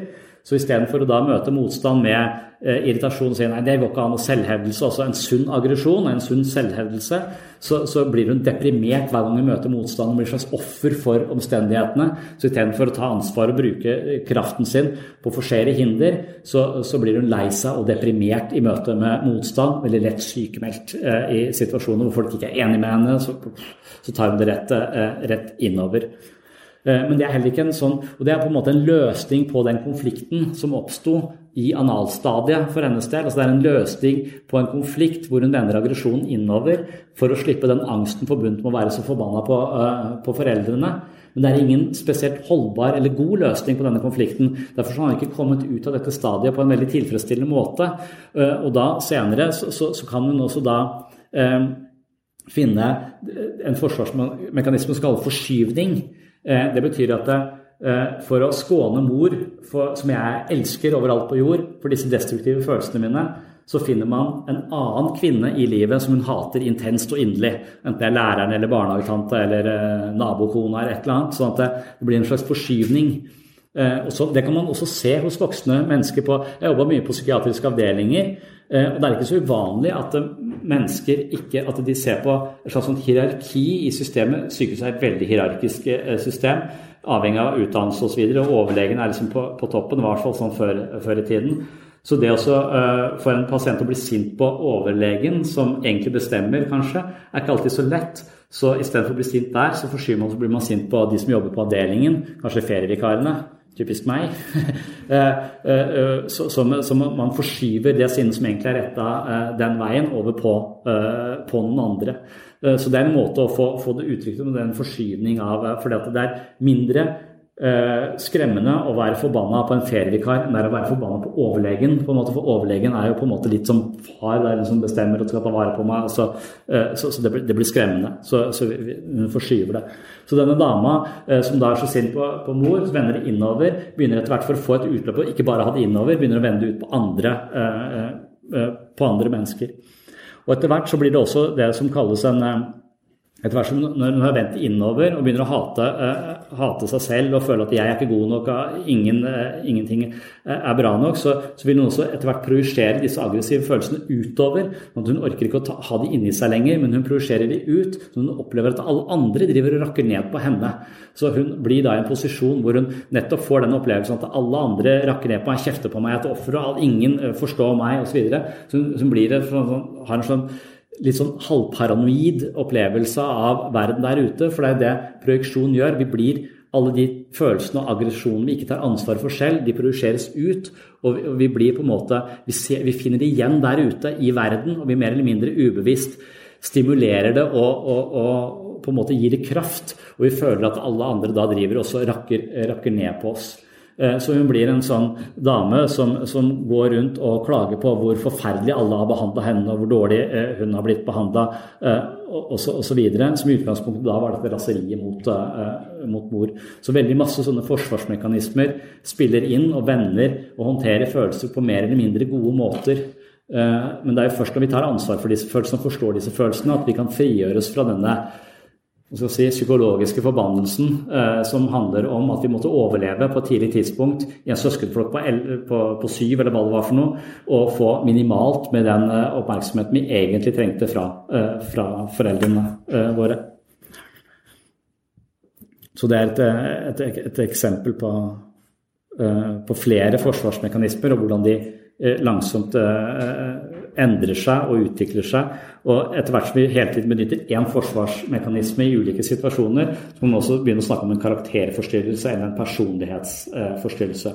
For de fleste av oss har alle disse forsvarsmekanismene, men vi går litt inn og ut av de. Altså, de, er reversible, så det betyr at hvis vi er veldig følelsesmessig pressa, så kan vi bli ganske primitive. Vi kan bli fire år når vi krangler eh, og si ting vi overhodet ikke mener. De fleste kan kjenne seg igjen, uh, igjen, i det.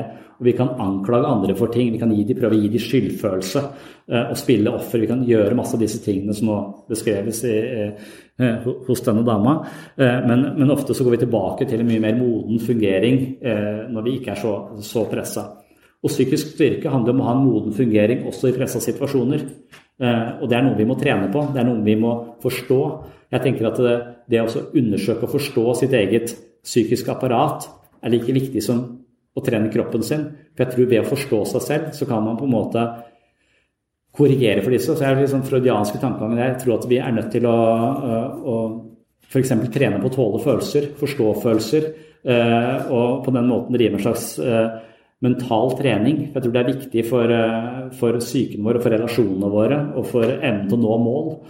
Det er ikke så vanlig å tenke sånn, så jeg tenker av og til på psykisk sykdom ikke som en sykdom, men heller som en litt dårlig mental kondis.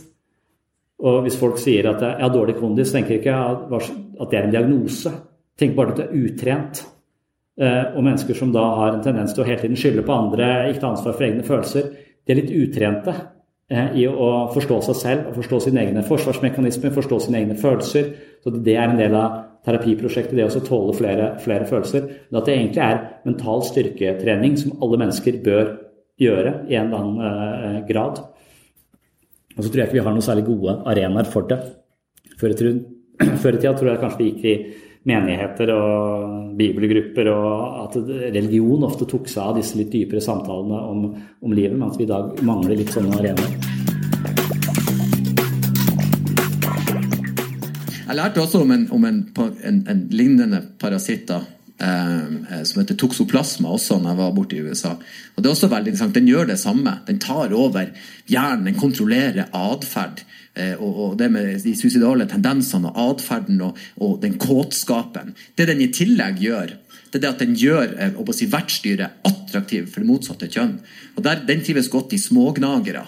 Sånn at eh, eh mannemusa får seg mye eh, damemus. Mannemus må man helst ikke si. Det er Ganske ekkelt ord. Jeg burde funnet noe bedre. Men i alle fall eh, eh, eh, Da får det en stor tiltrekningskraft. Eh, og da tenkte jeg, og Det verste at toksoplasma det kan mennesker òg få. Og man kan se den atferden som gnageren har.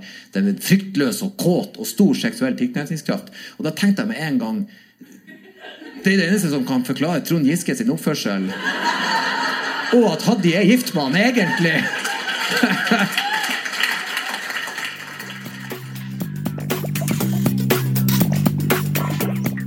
Takk for at du hørte på Sinnsyn.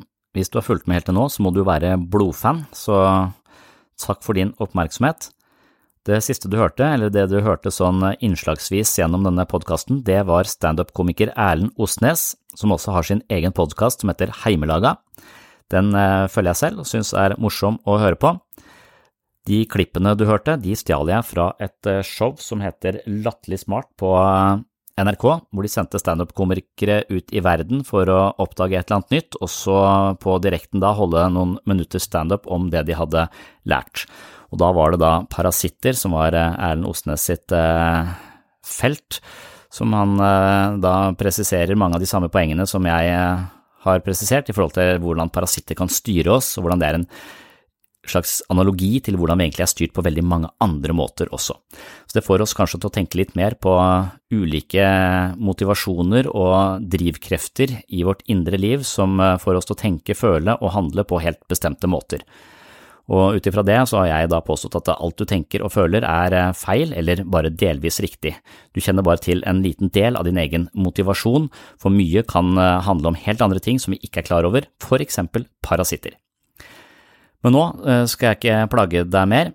Takk for at du hengte med så langt, takk til alle som har rata podkasten og gitt den hyggelige tilbakemeldinger i iTunes, og takk til alle som har kjøpt bøkene mine fra webpsykologen.no. Håper du henger med i neste episode. På gjenhør.